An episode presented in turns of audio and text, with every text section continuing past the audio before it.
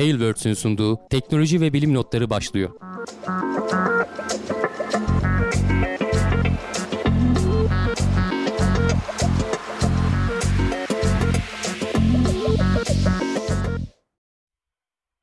Teknoloji ve bilim notlarına hoş geldiniz. Ben Hamdi Kellecioğlu. Karşımda Cevdet Acarsoy. Her zaman olduğu gibi yine bu hafta da karşınızdayız. Sizin için özel seçtiğimiz bilim gündemiyle bilimsel makalelerle e, bir saatinizi çalacağız diyelim. E, bu hafta gene Teknoseyir'de kayıtlı programımız normal zamanda yayınlanıyor ama canlı yayınımız bir gün önce oldu. E, duyurduk gerçi ama hani belki kaçırmış olanlar e, yarın akşam gene normal saatte salı akşamı Teknoseyir'de Plus abonelerine özel olarak yayınlanacak. E, Plus abonelerinden bahsetmişken bize de destek olmak için her zaman sonunda söylediğim e, hatırlatmayı başta yapayım. destek olmak için Teknoseyir Plus'a abone olabilirsiniz. Teknoseyir bölü abone adresine girdiğiniz zaman orada bütün bilgiler karşınıza çıkacak. E, aylık 15 lira karşısında bu tarz bilim gündemi ve diğer gündemleri desteklemiş olacaksınız. Aynı evet, şekilde e, gelecek bilimdeyi de boş geçmeyelim. Orayı da sen duyur Cevdet. Evet, gelecek bilimde başka yani bilim programlarına derinlemesine gireceğim. Bilimin başka alanlarına, haberlerin dışında işte psikoloji, mühendislik, e, müzikoloji, oyun programlama gibi merak ettiğiniz konular varsa onları zaten ücretsiz izleyebilirsiniz Gelecek Bilim'de Twitch kanalında. Ama hem bize destek olmak isterseniz şu an 6 abonemiz var. Hani onu biraz arttırmak isterseniz destek olmak adına abone olabilirsiniz. Abone olduğunuz zaman bizim işte Celal Şengörlü, İlber Ortaylı, Nobel ödüllü böyle şeylerimiz var, emojilerimiz var. Onları Twitch'te kullanabiliyorsunuz başka chatlerde de. Bir de bizim videolarımızı YouTube'a bek- düşmesini beklemeden hemen anında yayından hemen sonra izleyebiliyorsunuz abone olursanız ve bize destek olmuşuz. En önemlisi o. En önemlisi destek evet. Evet. Ee, bu haftanın güzel e, konuları var Hamdi abi. Bir de şöyle bir şey de söylemek lazım. Tabii ki gündemi takip ediyoruz. Dünyanın ve Türkiye'nin gündemi çok yoğun. Zor zamanlardan geçiyoruz ülkecek. Dünya olarak da zor zamanlardan geçiyoruz. Zaten Japonya'yı mesela ele aldık e, haberlerde. E, dolayısıyla ben şöyle düşünüyorum. Hani Arkanıza yaslanın. Bu kadar yoğun gündemden çayınızı kahvenizi alın. Canlı izliyorsanız şimdi işte podcast olarak var YouTube'dan dinleyecekseniz izleyecekseniz bir saatlik sizi bir bilim molasına çıkaralım. Gündemimiz bir de hani biz bunlarla uğraşırken bilimde de bunlar oluyordu. O, o esnada bilimde bunlar oluyordu. Evet. Deyin diyelim böyle başlayalım. Evet, e, geçen hafta da aslında Nobel ödüllerinden bahsetmiştik. Geçen hafta konuğumuz vardı Tansu Daylan Hoca. E, evet Nobel alan e, bilim adamlarıyla yan yana çalışan değil mi? Bugün ofiste görmedim Bugün diyordu. göremedim diyen bir insandı konuğumuz aslında. Evet. İnşallah kendisi de ileride e, Nobel alanlardan biri olur günün birinde. E, bu hafta, geçen hafta işte tıp ve fizik açıklanmıştı. Bu hafta da kimya e, ödülleri açıklandı. E, şöyle evet. aslında tarayıcıyı da açarsam. Ve aslında hepimizi çok yakından ilgilendiren e, lityum iyon pillerine 3 e, kişi arasında paylaştırıldı. E, lityum iyon pil lityum iyon pillerin e, geliştirilmesinde önemli rol oynayan bu 3 kişi. John evet. Goodenough aslında bu ismi belki hani duymuşlardır pil teknolojisi konusunda e, çok ismi geçen kişilerden biridir. Stanley Whittingham ve Akiro Yoshino e, ödülü paylaştılar.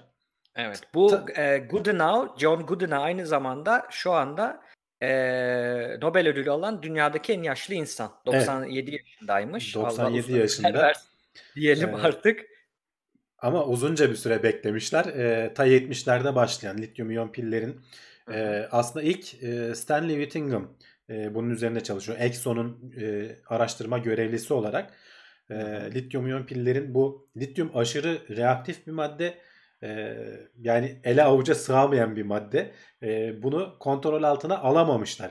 E, onu kullanmak mantıklı bir şeyleri depolamak için ama ilk yaptıkları piller çatlayıp patlayıp yangın falan çıkarınca e, onların Exxon bu işlerden vazgeçmiş.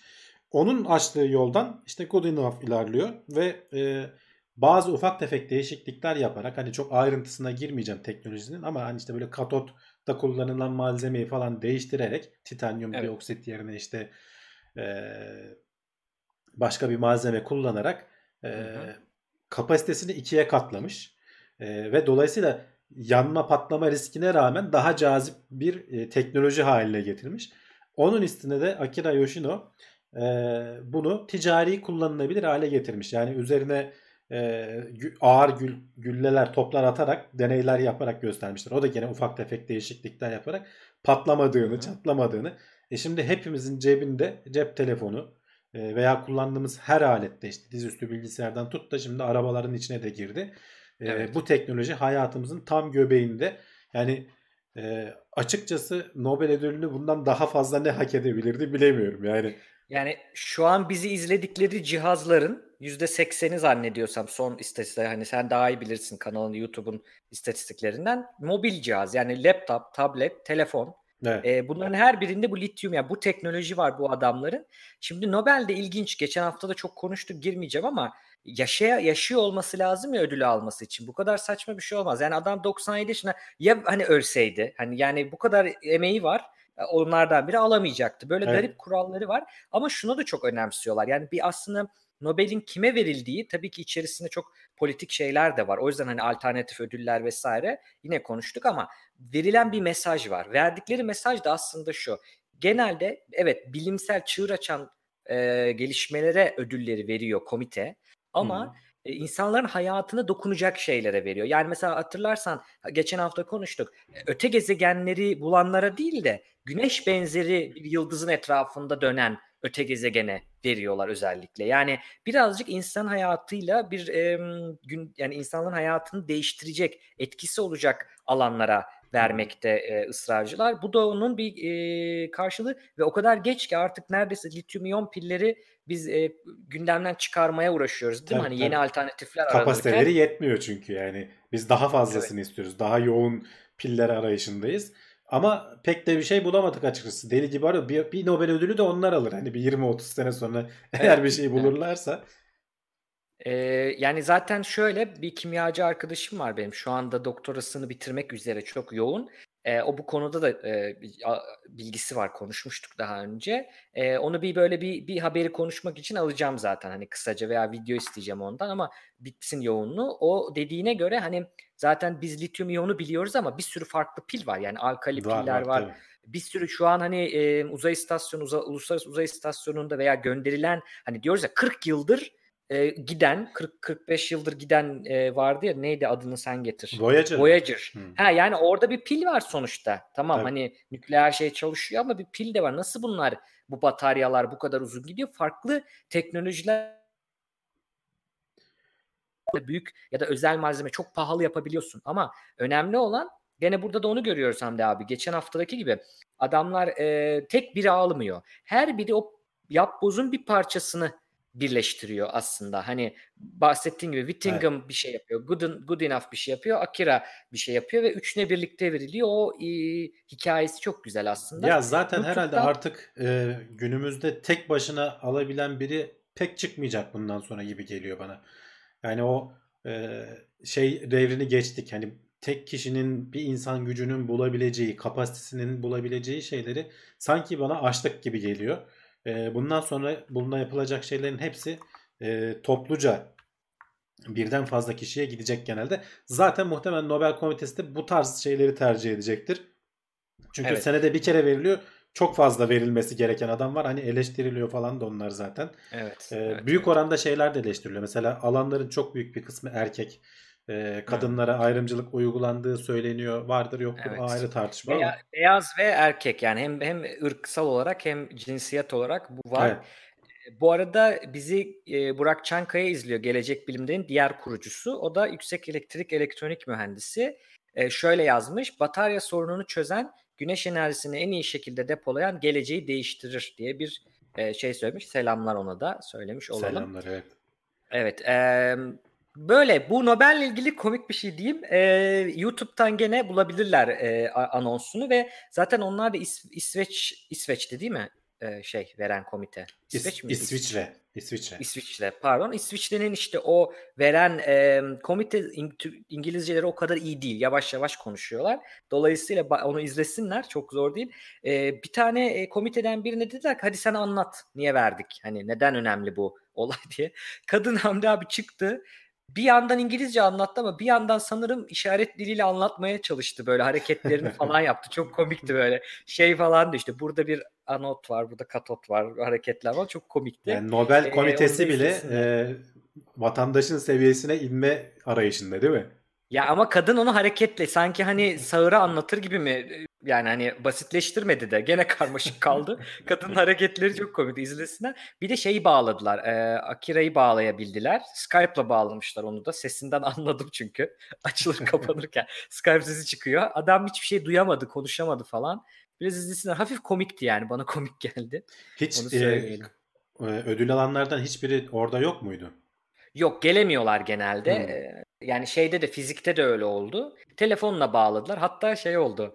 Bu komitenin başkanı adam hafif böyle bir babacan bir adam e, amcamız şey yaptı böyle. Dedi ki işte fiziktekini kazananı aradığı zaman Peebles, heh, Peebles'ı aradılar. Dedi ki "E, merhaba ben sizi işte bir yarım saat önce arayıp ödülü aldığınızı söylemiştim. Mutluydunuz. Şimdi burada gazeteciler de var falan diye aradı böyle. Ondan sonra uyandırdım sizi Amerika'da ya hani şeyden saat var. ya. Adam dedi, evet uyandırdınız falan dedi böyle hiç hani bir kibarlık falan yapmadı Peebles. Evet uyandırdınız hadi bakalım falan dedi. Yani no- Yani onu izlesinler. O Nobel, biraz hani Nobel aldım uyku tutmuyor gibi bir durum yok yani adamın Yok umurunda adam değil. hiç takılmamış.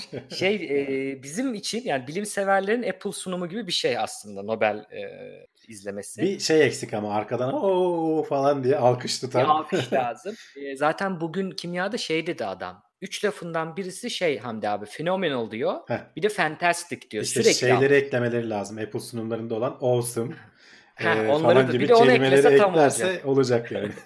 Aynen öyle. Aynen öyle. Ama Buradan sonuçta doğru e, şey yapan e, pazarlamayı doğru yapanlardan kopya çekmek önemli bence. Ya e, bu fizikte anlattım ya size kahveyle anlattı diye adam. Şimdi Barış Özcan'ın videosunu gördüm yani daha resmini gördüm izleyemedim detayını. O da mesela aynı kahveyle anlatmış. Aynı Hı hı. oradaki komitedeki bilim insanının kullandığı taktikle anlatmış. Bunlar güzel taktikler yani Tabii. işe yarayan taktik. Çünkü ben bütün hepsini unuttum orada. Hani arka plan ışıması, kara madde, kara enerji ama o kahveden hatırlıyorum. Tabii. Ha, Hepsi birbirine karışıyor değil mi? buydu falan. Evet yani akılda kalıcı örnekler. Ee, biz de yapmaya çalışacağız bunları. Evet bir sonraki haber biraz üzücü bir haber. Evet. Ee, E, ilk uzay yürüyüşünü yapan Alexey Le- Leonov e, hayatını kaybetti geçtiğimiz hafta içerisinde. E, hı. Açıkçası ben şaşırdım. Hani astronotlar tamam hani önemlidir ama genelde Neil Armstrong'un e, karizmasına hiç kimse ulaşamaz. E, ama tüm ilk- dünyanın bildiği odur değil mi? Astronot Evet. dediğimizde akla Evet, o evet. gelir yani. Yani ilkleri yapanlar genelde hep şey oluyor. En öne çıkıyor.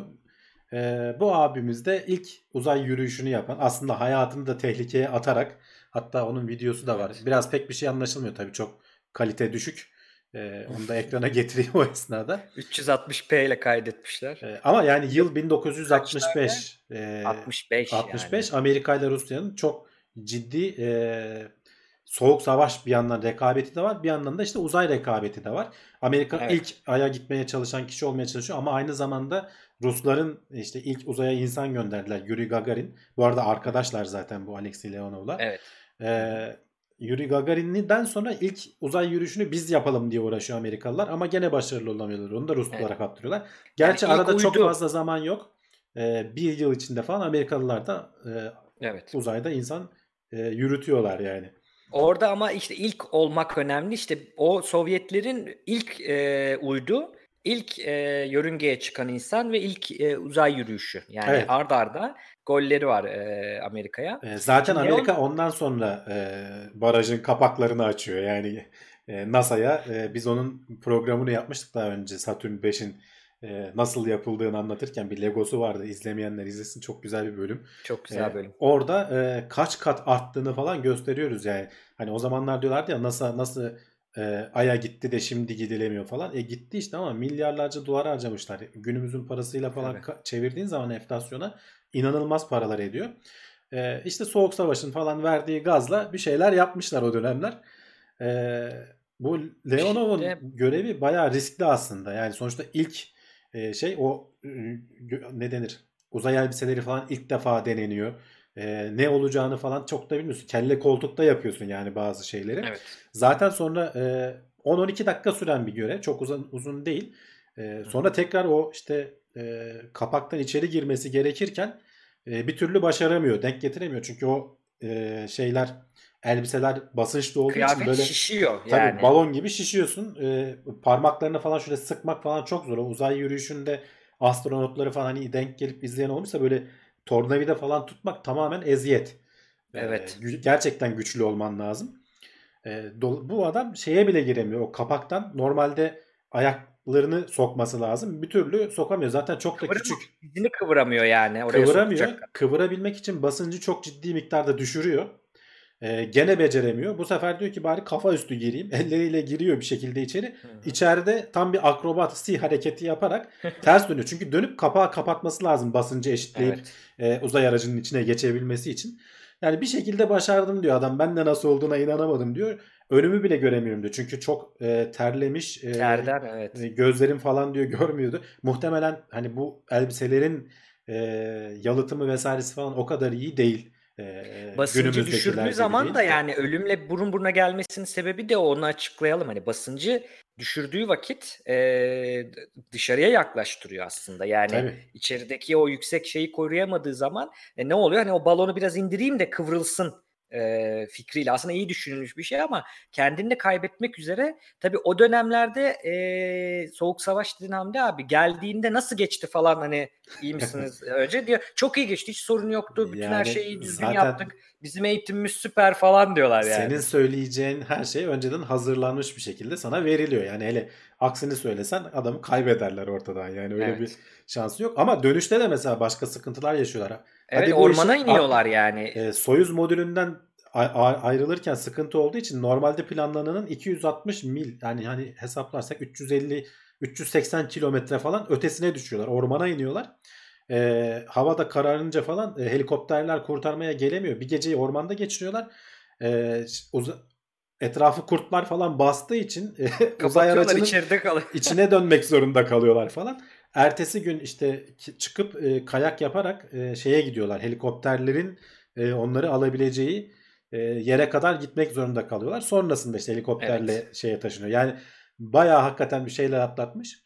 E, ama yetmemiş yani 10 yıl sonra da gene e, ilk e, uzayda kenetlenmeyi daha doğrusu Ruslarla Amerikalıların e, kenetlendiği 1975 yılında bir görev var. Soğuk Savaş'ın artık önemli. Evet. bittiğinin sembolü olarak görülüyor. Yani uzayda artık Evet. ki modül orada randevu noktasında buluşup e, kenetleniyorlar ve el sıkıyor işte Amerikalı e, meslektaşıyla. Bu da önemli. Yani adam her zaman aslında onların e, Rusların e, kozmonot olarak ve uzay programının bir temsilcisi, bir maskotu gibi aslında. Tabii, Çünkü tabii. çok da iyi bir insanmış. Öyle anlatıyorlar. Ya şeyler falan arkasından çok güzel şeyler yazdılar bu işte şu anki Amerikan astronotlar veya o zaman arkadaşları olan işte Buzz, Evet. Buzz Aldrin falan e, o devirden hayatta kalan diğer astronotlar arkasında çok güzel Evet. şeyler yazdı.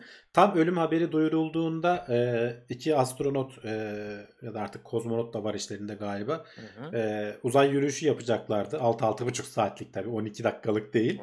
E, onlar da mesela e, Alexey Leonov'a e, ithaf ettiler bunu. E, dediğim gibi çok güzel şeyler yazdılar Twitter'da arkasından. Evet. E, hayatını belki anlatan bir kitap bir şey vardır hani e, merak eden okuyabilir. Güzel ben de merak ediyorum çünkü Evet. bulursam bakacağım. E, böyle insanların hayatlarını dinlemek bize güzel ilham oluyor aslında yani kesinlikle. e, mantıklı ve neler yaşamıştır kim bilir neleri hani detant sürecini yaşamış yani hani soğuk savaş yaşamış ardından bir de detant sürecinin en önemli böyle sembol figür yani yumuşama sürecinin Evet. en önemli sembollerinden biri olmuş. Onları da meraklılarına şey yapın. Bizim de aslında orada e, Soğuk Savaş'ta Türkiye'nin de bir e, bayağı büyük rolleri var. E, orada bir olaylar var. O tarihçilere gönderelim onu okumak isteyenlere. Türkiye'nin yani aslında o civardaki hani iki büyük devletin etrafındaki herkesin belli Evet. rolleri olmuş zaman zaman. Evet. Ee, evet, evet. genelde pasif roller tabii. Hani çok fazla sesini çıkaramıyorsun. Ee, çok büyük Evet. güçler karşısında ama ilginç o iki zamanlar. kutuplu dünyadan e, çok ilginç zamanlar. Onları tarihi anlatırken ben Teknoseyir'de de videomuz var. O önemli bir dönem. Çünkü o dönemde işte dediğin gibi bütün kapaklar açılıyor ya. Hem para anlamında hem zaman olarak hem de baskı olarak bilim insanına. Yani bilim insanları da ben ülkemi şu anda hani Ruslara karşı diyor hani Amerikalı NASA göndereceğim, göndermeliyim, çözmeliyim. Hani o hissiyat her zaman yok. Bunlar tabii teknolojinin gelişmesinde e, bir itici güç oluyor. Tabii. e, diye düşünelim. Ya zaten hani Bugüne genel gele- olarak e, savaşları düşünürsen teknolojinin gelişmesindeki e, üzücü ama ana itici güç savaşlar yani. Bu uzay Evet. teknolojileri falan hepsi 2. Dünya Savaşı'nın verdiği gazla. Evet. Ee, şimdi Hamdi abi bugüne gelirsek uzayda da et üretmeyi başarmışız. O Evet, dünlerden bugünlere ee, geldiğimizde. Uzayda ilk kez et üretildi ama e, hani büyükbaş hayvan mı götürdüler, kurban mı kesildi dersen öyle bir şey söz konusu değil tabii ki. E, astronotlar danaya girmiş diye. bir hamburger yapalım orada falan. Ee, ya bu dünya üzerinde de zaman zaman konuşuyoruz. Bu laboratuvar ortamında yetiştirilen etlerden bahsediyoruz. Geleceğin besin maddelerinden biri bu olacak diyoruz. Ee, Evet. İsrailli firmalardan fi- bir firma ki hani dünyada da işte e, bu işlerde adından bahsettiren bir firma Aleph Foods galiba. Ee, hı. Aynı şeyi uzay istasyonunda yer çekimsiz ortamda nasıl oluyor diye denemişler. Tabi orada bazı şeyleri sentezlemek dünyaya göre daha farklı. Hani kütle çekimi olmadığı için e, hücrelerin Az olduğu için tutunabileceği diyelim. yani sonuçta uçuyorsun yani e, az Evet. Yani şöyle te- terimsel olarak diyeyim aslında yani oraya microgravity deniyor. Hani Evet, sıfır evet. değil çünkü teorik olarak ama senin dediğin doğru yani yanlış olarak demiyorum da hani ya kütle not çekimi olmadığı için yanlış bir tabir doğru çünkü kütle çekimi her yerde var zaten. Olmaması e, söz konusu değil ama aynı miktarda bir de ivme olduğu için sıfırlıyorlar birbirlerini. Uçuyorsun o yüzden Evet. havada bir yerlere tutunmadığın zaman. Aynı şeyler tabii işte bu tek hücreli canlılar, hücreler vesaire falan için de geçerli. Ne olacağını denemek için e, geçtiğimiz hafta içerisinde daha doğrusu Eylül ayının sonuna doğru e, aslında 3 boyutlu printer kullanarak et basmışlar yani tam anlamıyla öyle diyebiliriz. e, bu firmanın e, özelliği ki kendilerini söylüyor yani deneme şansımız olmadı tabii. E, normalde bu tarz e, etlerin laboratuvarda ürettiğin zaman e, dokusu normal etlerden farklı oluyor. Yani böyle iyi mi kötü mü bilemiyorum açıkçası. Çünkü normal etlerin hani içerisinde sinirler vardır, işte damarlar vardır. e, belki Evet. kas dokularının farklı yapıları vardır, işte epitel dokular vesaire falan. Hı hı. Ee, onu sağlayamıyorsun. Gerçi öteki türlüsü de belki daha da yumuşak, değişik bir et oluyordur. Çünkü çok hızlı piştiğini söylüyorlar. Böyle birkaç dakika içerisinde pişirebiliyorsun diyorlar. Bunları araştırmalarının sebebi, şimdi uzayda hep konuşuyoruz işte sebze vesaire falan e, yetiştiriliyor artık. Hatta astronotlar geçenlerde kendi yetiştirdiklerini de yemişler. Normalde yemelerine izin vermiyorlar. Bu arada bu etleri yememişler. Dünyaya göndermişler. Ah. Ee, başlarına bir şey gelmesin diye. Ee, Ben bir kötü oluyorum ya falan diyormuş değil mi? yani Orada da Yeterince- sayıda insan var yani çok tehlikeli oraya. Kussalar falan yandık uçuşan. ya kustaları falan bırak yani her türlü kırıntı yapacak şeyi yemeleri yasak zaten. O havalandırma sistemlerine gider de Evet. tıkar vesaire falan diye öyle ekmeği böldüm kırdım yedim gibi böyle kırık kırakla besleniyorum gibi uzay ortamında diye bir şey yok yani mümkün değil. Ruslarla paylaşıyorlar değil mi? Ha, yani böyle şey Bölelim ekmeğimizi falan. Ee, Levent Kırca'nın öyle bir e, keman sanatçısı vardı ya şöyle ekmeği ortadan ayırırdı. Evet. Bir- Hatırlar mısın bilmiyorum. hayal meyal hatırlıyorum onu evet. Ee, öyle bir şey mümkün değil yani orada. Belki gelecekte farklı teknolojilerle olabilir bilmiyorum. Ama Evet. sonuçta e, Ay'a, Ay'a üst kurmayı planlıyoruz. Yarın bir gün Mars'a gitmeyi planlıyoruz. Ee, eğer dünyadan olur da e, yiyecekler gelmekte gecikirse bir şey olursa bir şekilde Hı. idare edebilecek kadar veya kendi kendine e, yetecek kadar bir şeyleri yetiştirmen lazım. Ee, Evet. İşte sebzelere falan uzun zamandır uğraşılıyor üzerinde. E, topraksız tarım vesaire falan bir sürü teknik var bununla ilgili. E, et de bu şekilde işte laboratuvar ortamında yetiştirilen etler de e, dünyadaki faydalarının bir yana hani faydaları da tırnak içerisinde söylüyorum. Faydalı mı değil mi o ayrı tartışma konusu. Uzayda da böyle çok büyük bir potansiyeli var. Firmalar da tabii bunu kaçırmıyorlar hemen. Evet. E, Ya bu zaten bize de inecek. Şimdi bunun üretim metodunda bir biyopsi alıyorlarmış inekten. evet. Ee, o, o dokuyu alıp e, sanki ineğin vücuduna benzer bir yapay ortamda hani onu böyle büyütüyorlar aslında bir yere kadar. Sonra onu alıp e, o hazır artık ne, ne derlerse ona maddesini e, üç boyutlu yazıcıya koyduklarında oradan yazılabiliyor ve üç boyutlu yazıcının dediğin gibi o zaman o yüzeyinde yapabiliyorsun. Hani ben yağını alın, sinirini alın, alı, almayın vardır ya kasaba Hı dersin. hı. Üç yazıcıda da şeyi seçiyorsun. Yağlı olsun, işte kaslı olsun falan böyle.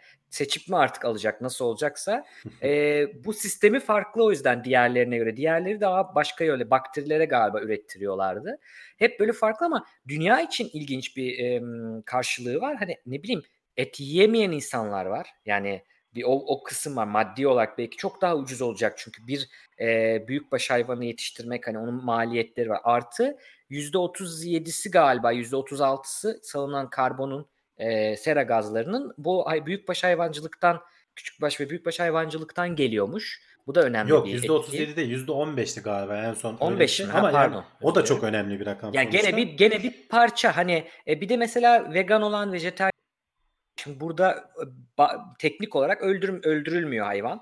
Evet. E, aslında o eti yiyebilir belki de. Belki de evet Aynen. yani e, onlar için de bir e, fırsat kapısı açılmış olabilir. Ama henüz Evet. daha çok e, emekleme evresinde.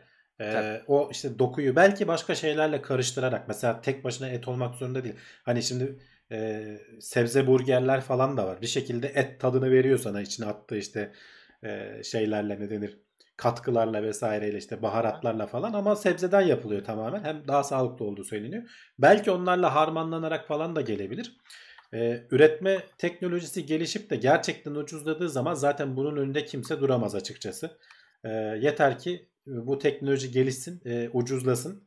Ee, ondan sonra gerisi gelir. Evet.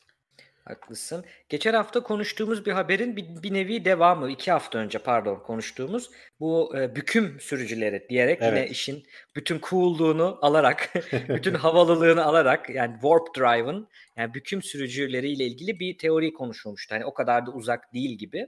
Fakat şimdi Daha doğrusu şöyle uzak çok uzak gidebilmemiz için ışık hızı yetmiyor. Yani warp drive gibi bir teknoloji lazım. Ee, ama bu haberde anlatacağımız üzere warp drive da yeterli gelmiyor. Ee, Evet. daha önce çok sinir e, bozucu bir haber aslında. Aynen. e, bunu yapan bilim insanı e, daha önce biz konuşmuştuk. Işık hızının e, işte gezegenler arasında ne kadar mesafe aldığını, ne kadar ilerlediğini gösteren bir animasyon yapmıştı bir. Yani birkaç Evet, ay önce Twitter'da konuştuğumuzu falan dolaştı bu. Bayağı do- dolaştı. e, Çok ses getirince e, biraz e, Star Trek'ten de esinlenerek e, bu warp hızları olsaydı ne yapabilirdi ki e, gündeme getiriyor. Söylediği şey de şu. Benim bunları gördükçe sinirim bozuluyor. Sizin de siniriniz bozulsun diye bu videoları yapıyorum diyordu. e, uzaylılar niye dünyaya gelmiyor falan diyoruz. Aslında videoyu da oynatmaya başlayayım bir yandan. Evet. E, şimdi warp hızını e, Star Trek'ten bu arada videoyu oynatmaya başladım. Niye hareket yok demesinler. İlk önce Yavaş- warp 1 çok ile başlıyorsun. çünkü.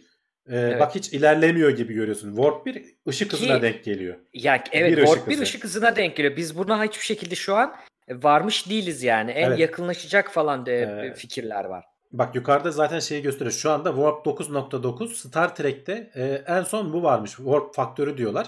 E, Evet. 2083 katı ışık hızının.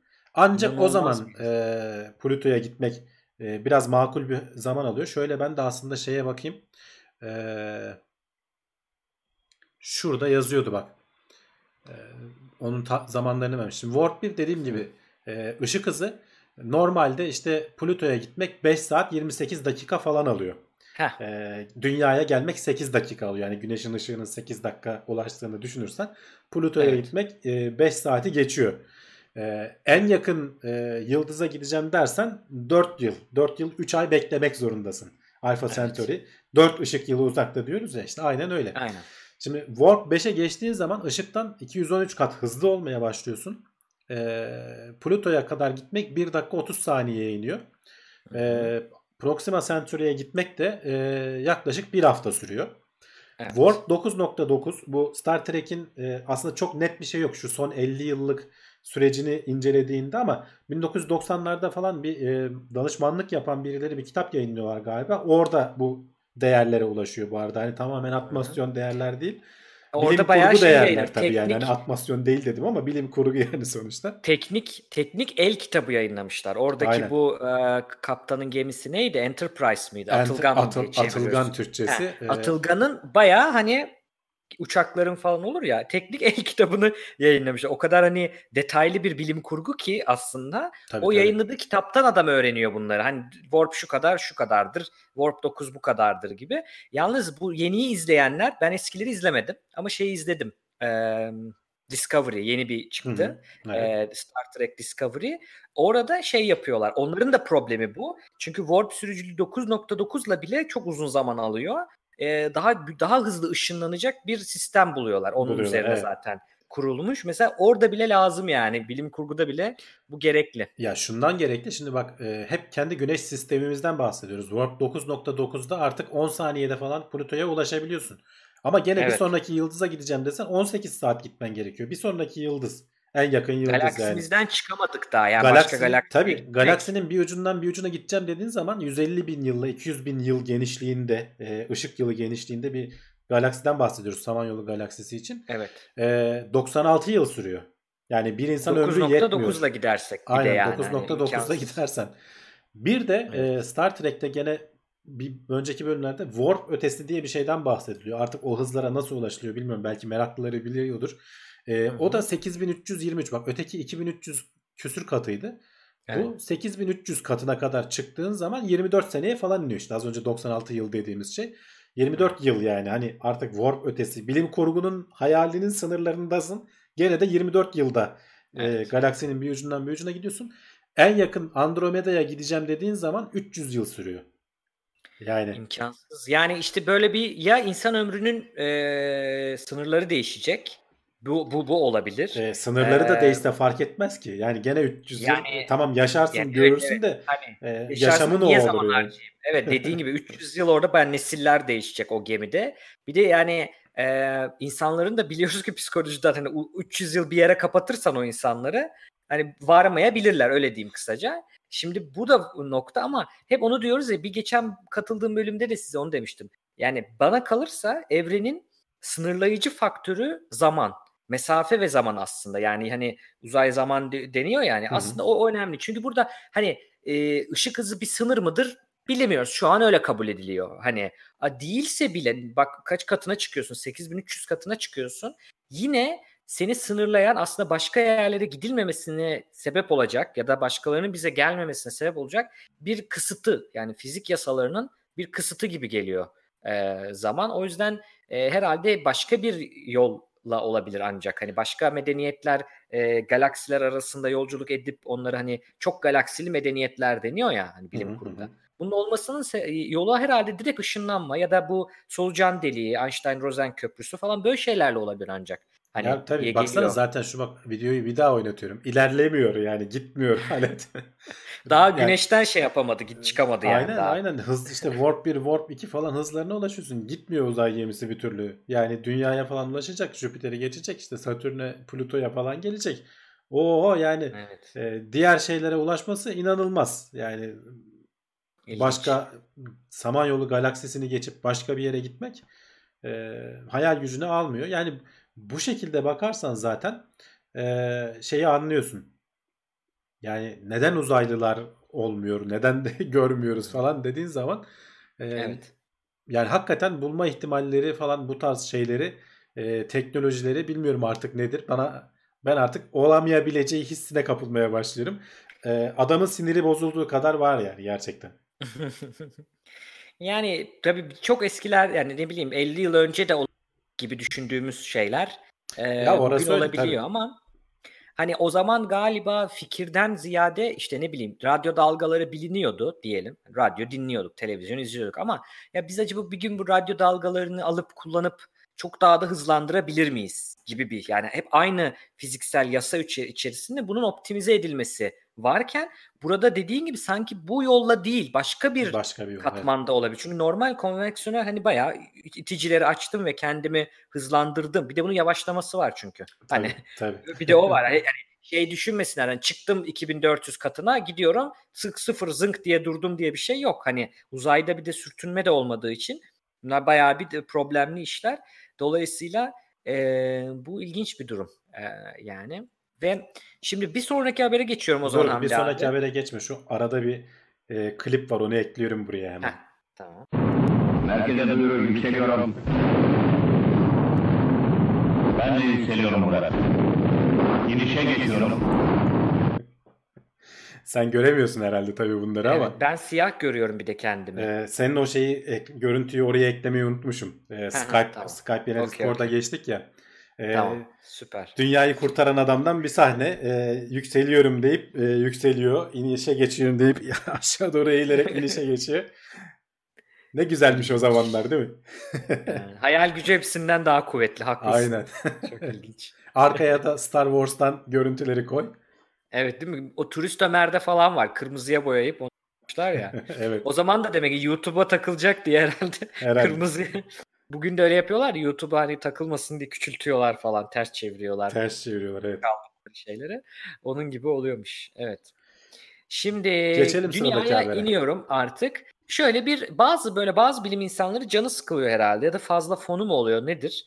Merak ediyorlar. Yani asıl o aslında ben onu seviyorum. Ha- ha- saf meraktan doğuyor ya bilim insanı. Bilim insanı dediğin aslında iyi bir bilim insanı çocuk gibidir. Yani çocuk çünkü hiç ilk doğduğunda hakikaten saf merak eder. Bir şeye yol açması için değil, ün getirmek için değil vesaire. Neden olur diye merak eder. O merakı korumak güzel bir şey. Bazı bilim insanları da bunu yapabiliyor. Bu büyük bir lüks aslında. Hı hı. Dolayısıyla onlar da şunu merak etmişler. Yani bu buzullar eriyor biliyoruz ama ya bunların tamamı bir gecede eriseydi ne olurdu? Gibi bir e, hipotetik bir soru atmışlar Hı hı. e, ortaya. Şimdi Şimdi- şeyi anlayamayabilirler. Buzullar dediğin zaman az bir şeyden bahsetmiyoruz. Yani Evet. e, bütün Amerika kıtasını kapladığını düşünürsen hala 1 mil yani 1,5 kilometre kalınlığında buz tabakası oluşturuyor. E, onun bir gecede eridiğini düşünürsek ne olur? evet. ben biraz bir iki görüntü de koymaya başladım. E, eriyen Şimdi- buzlarla eşliğinde anlatıyorum. Klasik evet. Ya bu bunlar bizim zaten eee, nerede yazıyordu bakayım. Dünyadakilerin yüzde yani be, içme sularının 99'unu oluşturuyor. Dünyadaki bütün iç- içilebilir suyun Tatlı suyun yani %99'u aslında. tatlı suyun aynen. Eee, nerede bulunuyor? Grön, Green, eee, Grönland'ın ve Antarktika'nın üzerinde bulunuyor. Hı hı. Ve bunlar uza- azar azar eriyor. Tabii erime hızlandı. Bu önemli.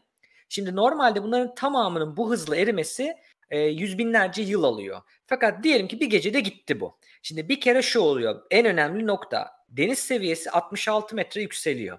Şimdi 66 metre. İnanılmaz dediğimiz bir zaman hani 66 belki böyle yüzlerce metre gibi değil ama 66 metreyi şöyle düşünsünler. Bizi diyelim ki sahil şeridimiz var. Boğazı düşünsünler. Boğazdaki suyla Boğazın suyuyla bizim o Bak. sahilde yürüdüğümüz kaldırım arasında olsun olsun 2-3 metre olsun maksimum o da yani. O onun üzerine zaten ne kadar çıkarsa çıksın. Ya bir metre şöyle- bile çıksa nerelere kadar girecek Şöyle o su düşün. yani. Ben şu anda Ataşehir tarafında oturuyorum. Ee, buranın yüksekliği 100 metre görünüyor rakım olarak. Yani buranın Şeyin evin evinin dairenin de mi yüksekliği? ne kadar? daire zemine yakın. Hani onu dahil Ha. etmemize gerek yok ama yani sonuçta Tamam. demek ki yükselerek geliyor bir şekilde. 100 metre civarında görünüyor. Yani onun yarısına kadar, yolun yarısına kadar hani Kadıköy vesaire falan kalmayacak yani. Zaten bak ekranda videosu da geliyor. Aslında Türkiye'yi yapmamışlar ama hani anlarsın aslında bu görüntüden de. Evet. Bu Amerika'nın sahil şeridindeki bütün şehirler e, şu mavi olan yerler normalde kara olan yerler buralar tamamen e, şeyle kaplanıyor. Suyla kaplanıyor. Yani Şöyle bir yandan oynasın. New York, New York, Şangay, Londra bunlar gidiyor zaten.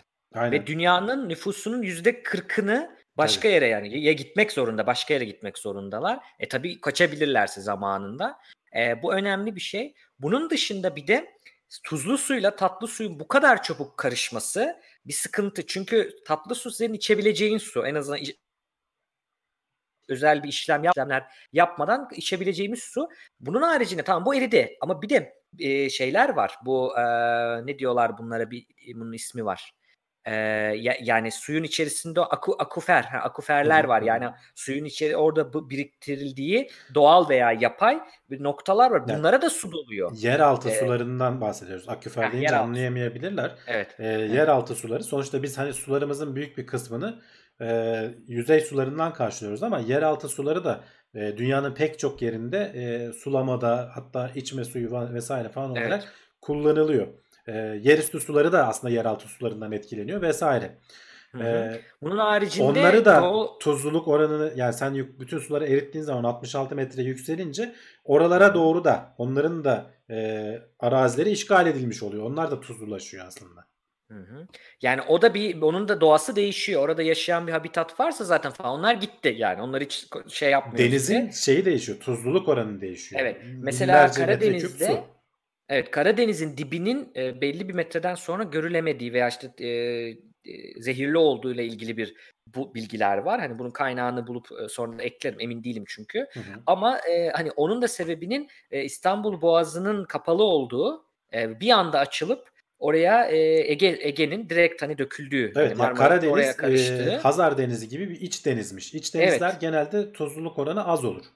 E, dolayısıyla orada tuzluluk oranında yetişen canlılarla e, tuzlu suda yaşayan canlılar farklı. Sen bu oranı bir anda değiştirdiğin zaman o canlılar ölüyor.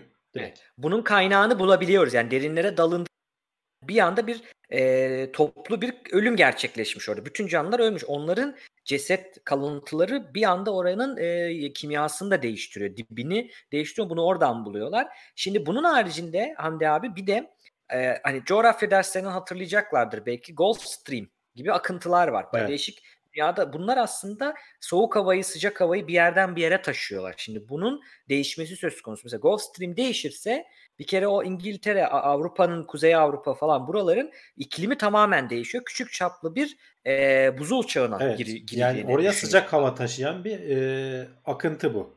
E, Evet. Avrupa'nın ısınmasını sağlıyor aslında. Tabii bu, bunlar hepsi birbirine bağlı. Bütün dünyanın ikliminin değişmesinden bahsediyoruz Tabii. aslında. Yani bir de Ant Dağları'nda, Himalayalardaki buzlar da var. Onu da düşünmemiz lazım. Oraların içerisinde de uzun süre kaldığı için belli zehirli maddeler var. Bunların nehirlere, göllere karışması da söz konusu. Yani içtiğin suyun da zehirli hale gelmesi. Doğru. e, söz konusu. E, çok ilginç, çok çok ilginç sonuçlar var. E, mesela şeyde tundra e, gibi bir nokta var. E, oradaki onların da içerisinde civa olduğunu düşünüyorlar. Bu şeyi Erirse- düşünürsen hani Rusya'nın devasa topraklarını düşünüyoruz ya. Evet. E, onların çok büyük bir kısmı işte tundra dediğimiz e, donmuş toprak. Hani tam anlamıyla üzeri buz değil ama toprak e, buz buz haline gelmiş. Yani böyle donmuş. Az bir miktar üzerinde de belki hani kar ve buz katmanı vesaire falan var. E, Evet. Bunların erimesi söz konusu olursa buralarda çok büyük miktarda civa e, bulunduğu Ortaya söyleniyor. çıkacak. Bir Evet. anda dünyaya salınacak diyorlar. Evet. Aynı şekilde buradaki eriyen e, donmuş bir şekilde ölü olarak duran e, canlı organizmalar eridiği için e, bakteriler bunları tüketecek ve karbondioksit ve karbon e, metan gazı salacaklar atmosfere. Dolayısıyla sera etkisini de patlatacaklar deniyor. Çok ilginç. Yani bu tabii bir e, zihin jimnastiği. Tabii tabii yani bunun Fakat e, e, bir günde olması söz konusu değil. Sadece olsaydı ne olurduyu e, düşünüp e, kafa yoruyorsun. Evet. Bu şey Ee, açıyor, vizyonunu açıyor senin aslında. vizyonumuzu açıyor. Bir de aslında şu anda yavaş yavaş olan olayları da bir anda görmek ilginç bir şey. Tabii bütün bu, bu olayların hani problemli olmasının sebebi bu hikayede çabuk olması. Hani Evet. tamam onu geçiyorum. Ama yine de bu şu an ola gelen noktadaki durum. Yani bu buzullar eriyor. Normal hızından daha fazla eriyor. Bu okyanusların kimyasını, tuzluluk oranını değiştiriyor. E, akıntıları değiştiriyor. Bu kadar e, nasıl diyeyim büyük oranda değil ama ufak ufak değiştiriyor. İlginç bir beyin jimnastiği bu haberde. Onun için e, almak istedim. Şimdi zaten şöyle bir nokta var. Orada anlattığı devasa fırtınalar olur diyor. Tabii. Şimdi ondan bahsedeceğiz hemen bir sonraki Ya habere devasa bağlı. fırtınaların olmasının sebebi de şu. e, iklim bu sera gazı vesaire falan salınıp da iklim ısındığı zaman atmosferin su tutabilme kapasitesi artıyor. Dolayısıyla malzeme olduğu için atmosferde onun yer değiştirmesi de devasa hale geliyor. Yani şu anki fırtınaların kaç katı daha güçle, daha e, etkide fırtınalar olacağı söyleniyor. Evet. Şimdi bizim fırtınada çok basitçe anlatırsak denizin üzerinde ısınan havanın mesela yüksel denizin üzerinde olanlar için düşünelim fırtınaları, tayfunları vesaire. Buradaki ısınan hava yükseliyor. Bunu biliyoruz. Soğuyan hava aşağı gidiyor. Böyle bir bu da bir atmosferde bir hareket yaratıyor. Şimdi eee, eğer okyanusta su sı- sıcaklıkları artarsa veya miktarı artarsa ya da tuzluluk tatlılık oranı değişirse bunlar ısınma hızlarını da değiştiriyor aslında. Problem o. Çabuk ısındığı zaman yukarıya çıkıyor. Düş- yukarıdaki soğuk havayı yukarıya çıkıp soğuyunca aşağı iniyor. Bu sırada aşağı hızlı inerse var olan, yükselmekte olan sıcak havayı da karşılaşıp yarı yolda onu da sağa sola itiyor. Bunlar aslında böyle bir döngü yavaş yavaş başlayıp bir döngü yarattığı zaman işte bu bizim Katrina kasırgası, diğer kasırgalar dediğimiz olayları yaratıyor. Bunların niye tropik kasırgalar diyoruz. Niye bir mevsimi var bunun? Çünkü o mevsimlerde denizin üzeri o kadar ısınıyor. O ısınmanın belli bir şeyde olduktan sonra bu kadar büyük fırtınalar, hı. hava hareketleri yaratabiliyor. Hani o yüzden tropik fırtına, tropical storm hep geçen Ee, tropik belli fırtına mevsimleri noktası var dedik. Ee, Evet. Haziran'dan Kasım'a kadar Amerika'yı vuruyor. Ee. Kasım'dan da işte tekrar Nisan ayına kadar falan da Asya'nın güneyini vuruyor galiba. Evet. Şimdi onu konuşmuşken ha, bir sonraki habere de geçelim. Geçelim. Evet. Ee, Ha- Hagibis tayfunu Japonya'yı vurdu. Belki de haberlerde görmüşlerdir. Aynı anda deprem de olmuş adamlarda. Nasıl bir Yani kısmetsizlikse yani. Evet. aynen. Hagibis Japonca'da hızla olan, çok hızlı hareket eden anlamında herhalde bir sebeple. Şimdi bu tayfun olduğunda artık askeriye devreye girmiş insanları kurtarmak için. 18 kişi de hali hazırda e, hayatını kaybetmiş. Şimdi bu fırtına tabii ki kendi başına bir sıkıntı ama karaya ulaşmasa bile dalgaları beraberinde getiriyor. Hı hı. Bu dalgalar da yükseldi. Bak 66 metre falan gerek yok. O dalga biraz yükseldiğinde e, kıyıdan içeriye giriyor su ve Evet. sele neden oluyor. Bu seller de çok büyük sıkıntı. Tsunami gibi geliyor yani değil mi? Evet yani bir nevi küçük çaplı tsunami şeklinde geliyor. Ee, 27 bin e, askeri e, birliği yani insanı askeri e, bayağı kurtarma görevleri için e, ele almışlar ve ha- hani resimlerini görürler. Bayağı da büyük bir e, hasar da var aslında. 30 bin tane 30 bin evin e, hasar gördüğünü söylüyor. Bu Hı. haber bu şekilde. Şimdi onun oluşma şeklini de aslında anlatmış olduk. Yani tekrar kısaca dersem e, bir, bir sistemi tabii bir sürü farklı sistem var. Deniz üzerinde tropik oluşanların suyun çabuk ısınması, ısınan havanın çabuk yukarı çıkması, soğuk havayla karşılaştığında bir devir daim oluşturmasıyla ortaya çıkıyor bunlar. Ama ne kadar büyük alan ısınıyorsa e, o kadar büyük oluşuyor. E, bir ilginç bilgi daha ekleyeyim. Bu sosyal medyada falan şey paylaşılıyor Hamdi abi. Belki resmini bulursak koyarız. E, pembe gökyüzü. Mor böyle. Mor hı. renkli bir gökyüzü olmuş fırtınadan evvel. Tayfundan evvel. İşte insanlar bunu paylaşıp işte bu bunun alameti diyorlar. Evet alameti mi hani fiziksel olarak evet öyle. Neden? Ya da niye oluşuyor merak edersek olay şu şuymuş araştırdığım zaman. Şimdi güneş ışığı bize geliyor ya aslında bütün o renklerdeki tayfta geliyor. Bizim mavi görmemizin hani sebebi atmosferin onu diğerlerine hani kırıp mavi olarak yansıtması ama Hı hı. aslında hem mavi hem moru yansıtıyormuş. Hatırlarlarsa mavi ile mor yakın. Hani mor tarafına, mor ötesi dediğimiz tarafın o başına geliyor o tayfta. Şimdi e, havada çok fazla nem olduğunda, çok fazla yoğunluk olduğunda, su olduğunda o etrafta dolaşan materyal olduğunda molekül ışığı daha fazla küçük küçük parçalara kırıyor. Minik minik aynalar gibi düşünsünler. Hı. Hani havada asılı duran. Bu tarz fırtınalardan önce bu önceden o asılı duran o parçaları getirdiği için beraberinde mavi gibi görünmesi gereken ışık çok daha fazla kırılıp mor gibi görünmeye başlıyor. Özellikle güneş doğarken ve güneş batarken o hani muhteşem güzel mor manzaraların sebebi havanın yoğun olması gerekiyor. Yani boş havada öyle bir şey olmuyor güneş batarken veya doğarken. Kırmızı, sarı renklere ama buralarda mor oluyormuş. Bu bunu da hani bir Hı hı. bilgi olarak açıklamış olalım. Şimdi ben şunu merak ettim Hamdi abi. Neden tayfun, neden fırtına, neden e, hortum. Deniyor? Bunlar arasındaki fark ne diye bunu araştırdım. Kısa cevap bir fark yokmuş. çok çok eğlenceliydi ya. Çok detaylı değil. Yani hurricane, tayfun ve cyclone ya da işte Türkçesi de fırtına yani hortum, tayfun veya siklon dediğimiz asıl meteorolojide kullanılan terim hali siklonmuş. Şu Hamdi resimde abi. görülen herhalde sikton dediğimiz değil mi? Bu dönen Evet büyük yani şey. ha dönmesinden geliyormuş. Şimdi bu yöresel isimlendirme aslında. Hepsi tropik bunların.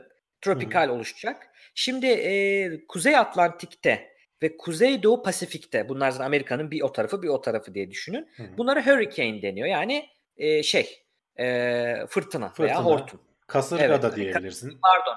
Hurricane kasırga doğru düzgün çevirirsek.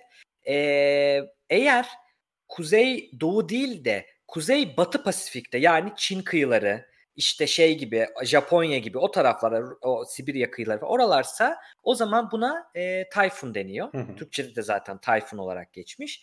Eğer Güney Pasifik'te ve Hint Okyanusu'nda olursa da siklon deniyormuş. Hı hı. Aslında hepsi aynı şeyler e, dediğimiz. Hani bunların da bir şeyleri var.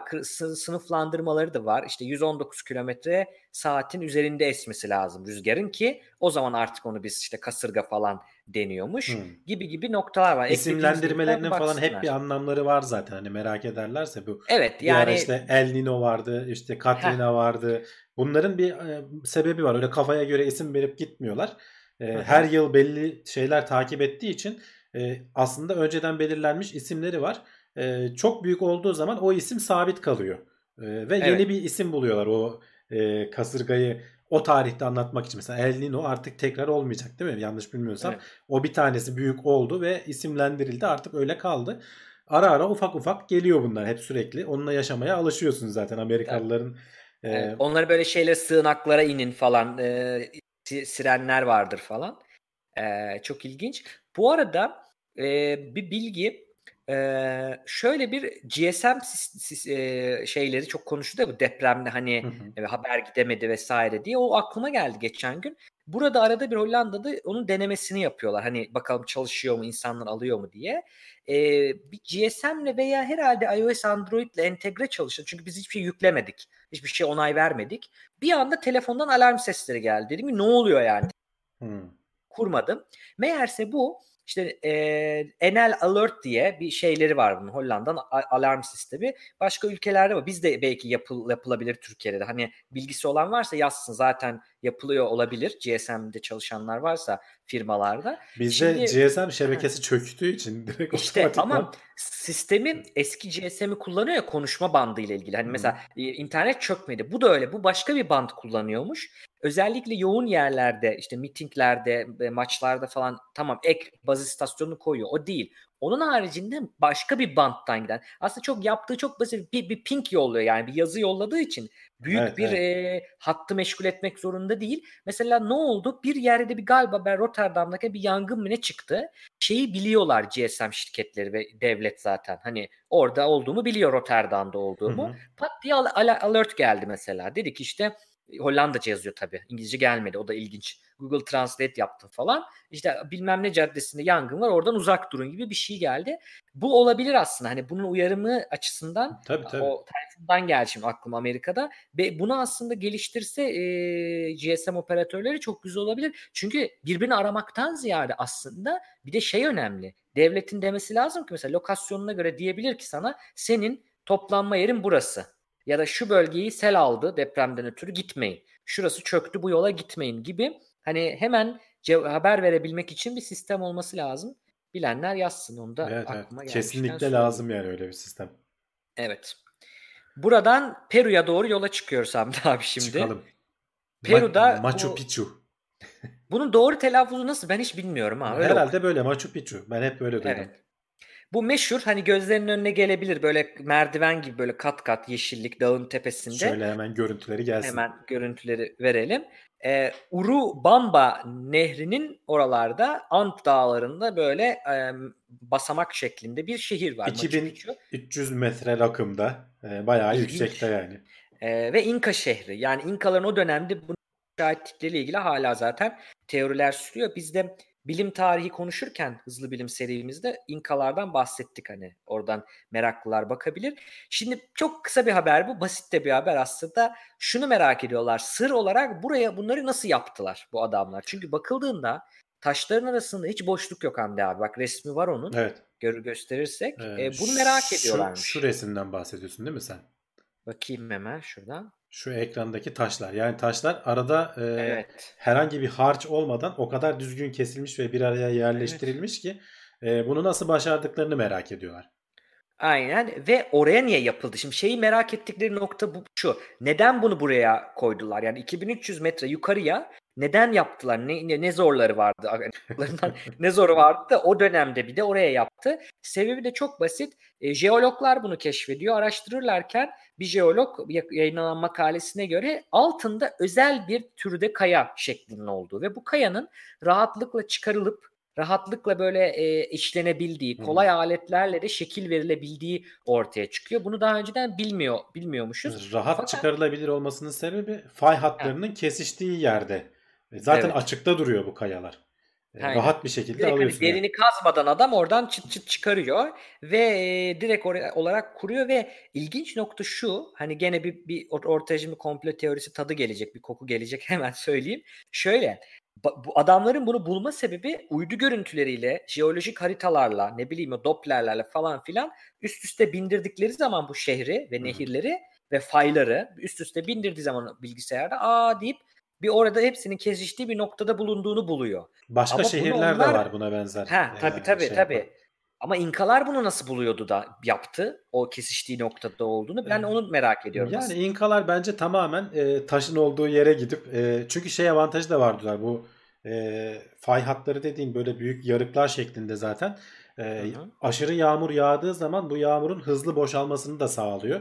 Çünkü oralar Evet. gördüğün gibi yemyeşil yerler yani bayağı sulak ortamlar. E, hı. su baskınları ve sel baskınları falan olduğu zaman bayağı sıkıntı oluyor. Onların olmasını da engellediğini söylüyorlar ama çok yüksekte çok yani nizami de yapılmış bir şey. E, Evet. bu kadar korunmasının avantajı sebebi de şu kimse bulamıyor burayı. Bu, bu tabii 1919-20'lerde bulunuyor. 1600'lerde yapılmış olmasına rağmen ki İspanyollar sonrasında cirit atıyorlar biliyorsun medeniyeti Tabii. tamamen ortadan kaldıracak kadar e, canını okuyorlar oraların. Ama burayı Evet. keşfedemiyorlar. Şans eseri 1910'larda 20'lerde keşfediliyor. Şimdi bayağı uğrak bir turist e, merkezi. Hatta e, Birleşmiş Milletler falan şey yapıyor. Yani belli bir sınırda tutun günlük ziyaret eden adam sayısını zarar veriyorlar. Çünkü turist baskısı oluşuyor e, Hmm. doğal şeylerin üzerinde. Bizim aynı şey e, Pamukkale'de de vardır ya. E, Evet. Aşırı insan geldiği zaman görmeye e, o bembeyaz yerler gitgide sararmaya başlıyor. Çünkü çünkü Evet. sonuçta her insanın bir çöpü vesairesi falan oluyor yani orası kirleniyor. Aynı Evet, durum haklısın. burası için de söz konusu. Benim de açıkçası merak edip git- gitmek istediğim yerlerden biri. Çok Ya ilgimi çekmiştir ilk, hep.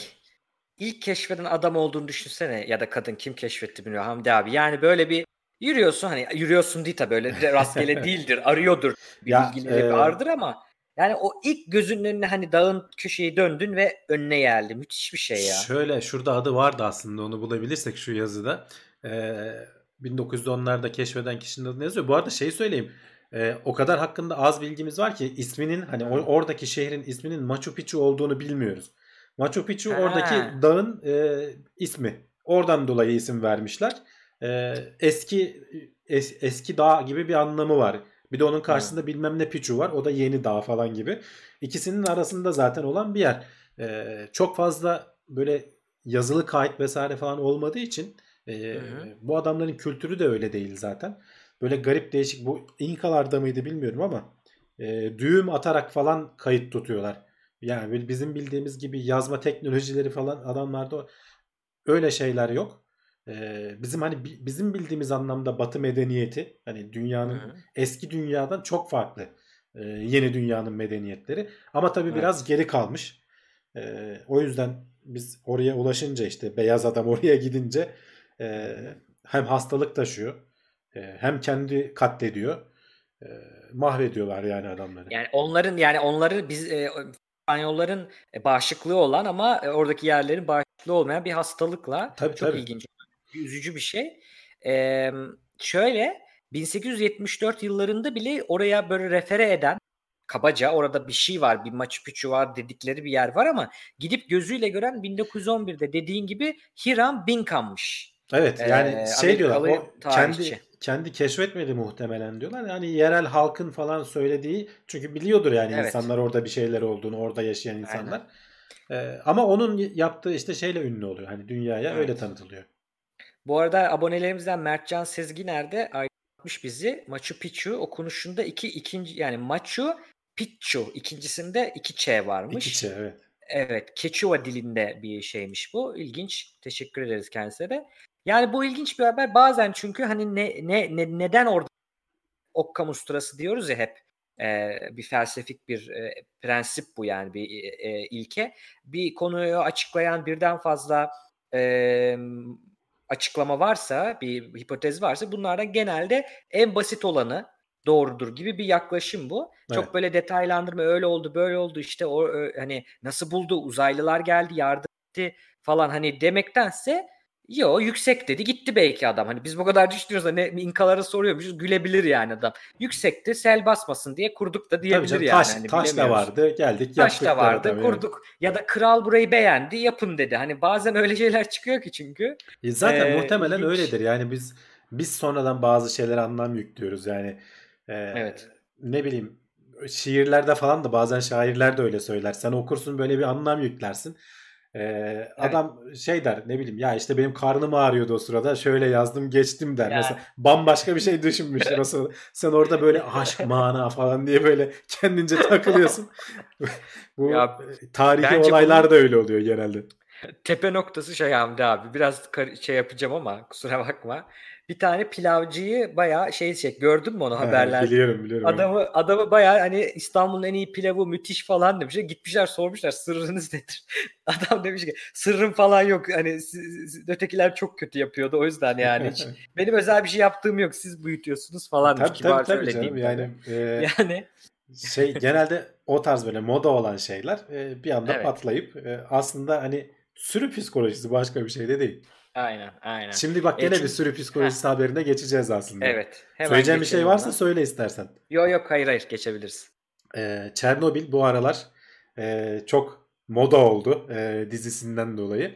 Ve orada da Evet. ciddi bir turizm faaliyeti var aslında. Ee, gidip işte orada okulları vesaireleri falan hani terk edilmiş yerleri görebiliyorsun. E, radyasyon oranları bayağı düştü. Ama artık e, bayağı bildiğin e, kontrol odasına kadar sok girmene izin verecekler.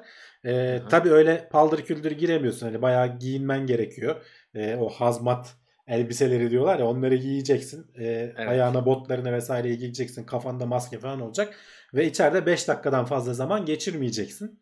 Yani Evet. belli bir seviyenin altına inmiş ama gene de çok yüksek oranlarda.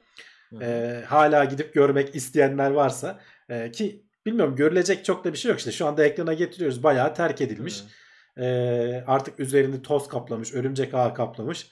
E, 1980'lerin modası kontrol üniteleri göreceksin ve çok da bir şey Evet. görmeyeceksin aslında. Ya öyle bir e, e, bunun psikolojisine bakmadım ama hani merak ettim şimdi konuşurken. Öyle bir olay var. Yani terk edilmiş binalara karşı ya da hani önemli olayların geçtiği yere derler ya buranın işte ruhuna sinmiş işte burada o atıyorum katliam yapıldığı ya da idam odaları falan hani Ha, evet. hapishanelerdeki. Hani öyle bir öyle bir inanış var. Ritüelistik düşünce olabilir, büyü düşüncesi olabilir.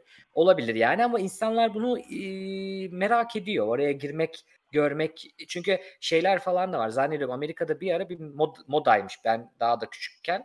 Bu em, boş terk edilmiş binalara falan girip gece böyle resim çekmeler falan. Hani böyle noktalar da var. Bu da onunla Hı. ilgili bir ihtiyaç ama Ukrayna'nın tabii Ukrayna sınırları içerisinde ya şimdi hani Ukrayna'nın bunu kötü olan bir şeyi iyi bir şeye çevirip nasıl bundan para kazanırız? Nasıl bunu turizme Aynen. e, çeviririzin şey ama bence biraz tehlikeli bir oyun oynuyorlar. Yani dikkat etmekte yarar var. Çünkü bazı insanlar yasak olmasına rağmen gidiyormuş. Ya şey Hani- var e, şöyle yasak olmasına rağmen gidip yerleşenler var. Adamın Heh, evet. orada orayı boşalttılar biliyorsun. Binlerce insan evinden yurdundan oldu. E, ama şimdi geri dönüyorlar işte. Devlet izin vermese de araziye yerleşip e, bir şey olmuyor ya diye yaşayan insanlar var yani. E, ama hani turistlerden zannetmiyorum gidip de oraya yerleşmeye kalkacak olanları. Varsa da tek tük çıkıyordur. Yani.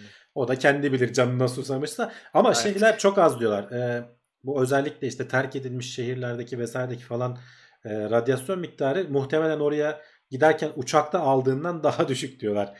Biliyorsun Hı hı. uçakta yüksek seviyelerde de e, Özellikle cam kenarında oturuyorsanız tabii atmosferin korumasının az olduğu yerlerde belli bir radyasyona maruz kalıyorsun ama işte bunlar çok az şeyler. İnsan vücudunun rahat rahat tolere edebileceği şeyler. Ee, Hı hı. o seviyelerin de altında diyorlar işte şu anda. Ee, Evet. Ama yanına mesela bir şey almana falan izin vermiyorlar. Dokunmana, e, bir şey alıp hediye alayım götüreyim demene falan izin vermiyorlar. E, o kadar da abartmaman lazım zaten. Yani. aynen dikkat etmek lazım. Bir sonraki haberimiz e, 7 milyon yıllık insan evriminin özeti çok hoşuma gitti bu video. Evet, Ee, e, benim de çok hoşuma gitti. O yüzden aldım aslında. Onu bir yandan oynatmaya başlayayım ben. Üzerinde konuşalım. E, Aynen. şöyle direkt başlıyor. Aslında bize en yakın e, akrabalarımızla başlıyor. Hani biz insana en yakın şempanze diyebiliriz ama şempanzeden sonra işte goriller, orangutanlar vesaire de gidiyor ama şempanze ile bizim aramızda 7 milyon yıl ayrıldıktan sonra 7 milyon yıl önce ortak bir atamız varmış. Ayrıldıktan sonra başka başka e, bizim e, türümüz diyebileceğimiz bazıları e, tam bizim türümüze denk geliyor. Homo ailesine denk geliyor. Aile lafı Hı hı. belki yanlış oldu ama hani ben e, çok teknik kısmına girmeyeceğim. Çünkü o taksonomi işi bayağı karışık. Birazdan onunla ilgili de belge. Evet. Onu paylaşırız. Ama işte her şey önce 7 milyon yıl önce Afrika'da başlıyor. Bu videoyu sonradan tekrar izlesinler. E, fosil alanlarını gösteriyor. Nerede olduğunu gösteriyor. E, bazı şeyler çok küçük. Böyle tek bir e, işte ayak fosilinden buluyorsun mesela. Onun ayak e, dik e, yürüyebildiğini. E, ne bileyim işte çok e, küçük bir bacak kemiği buluyorlar. Oradan e, bir çıkarım yapıyorlar. Evet. Bir arada 5 milyon yılla 4 milyon yıl e, arasında galiba şimdi ekrana gelir onun şeyi. E, çok büyük bir boşluk var. Çünkü bu fosil kayıtları gerçekten zor bulunuyor. Çok nadir bulunuyor. Ama yani gördüğün gibi bayağı da e, herhalde 10-12 tane tür var. E, şey diyebileceğimiz insanla günümüz insanla Homo sapiens'le e, şempanzeler arasında ortak bir atadan ayrıldıktan sonra isimleri falan da geliyor bak. Henüz daha bak Homo e, türüyle ilgili bir şey görmedik.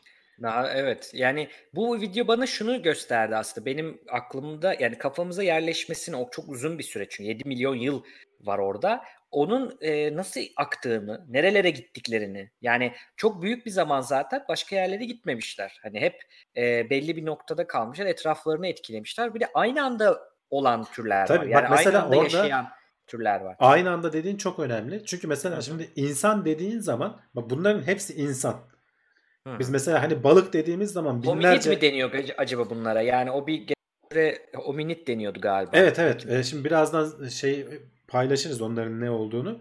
Ee, balık dediğimiz zaman binlerce türü olduğunu biliyoruz. Kelebek dediğimiz zaman binlerce türü olduğunu biliyoruz ama insan dediğimiz zaman bir tek son türü biz kaldığımız için sadece Hı. kendimizden bahsedi- bahsediyoruz. Yanlış değil. Doğru bir bilgi.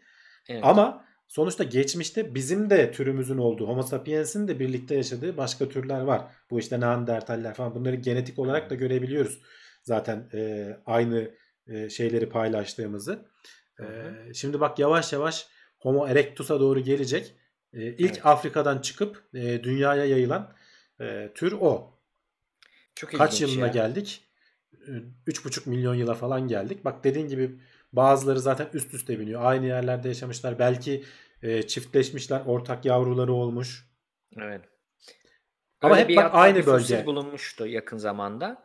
Ee, bölge evet hep Afrika'da kalmaları çok ilginç. Ya da biz mi bir tek Evet. fosil? Onu da düşünüyorum ama.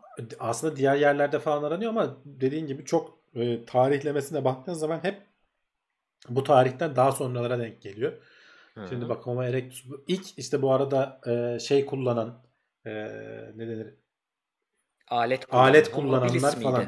Galiba evet birazdan gelecek. E,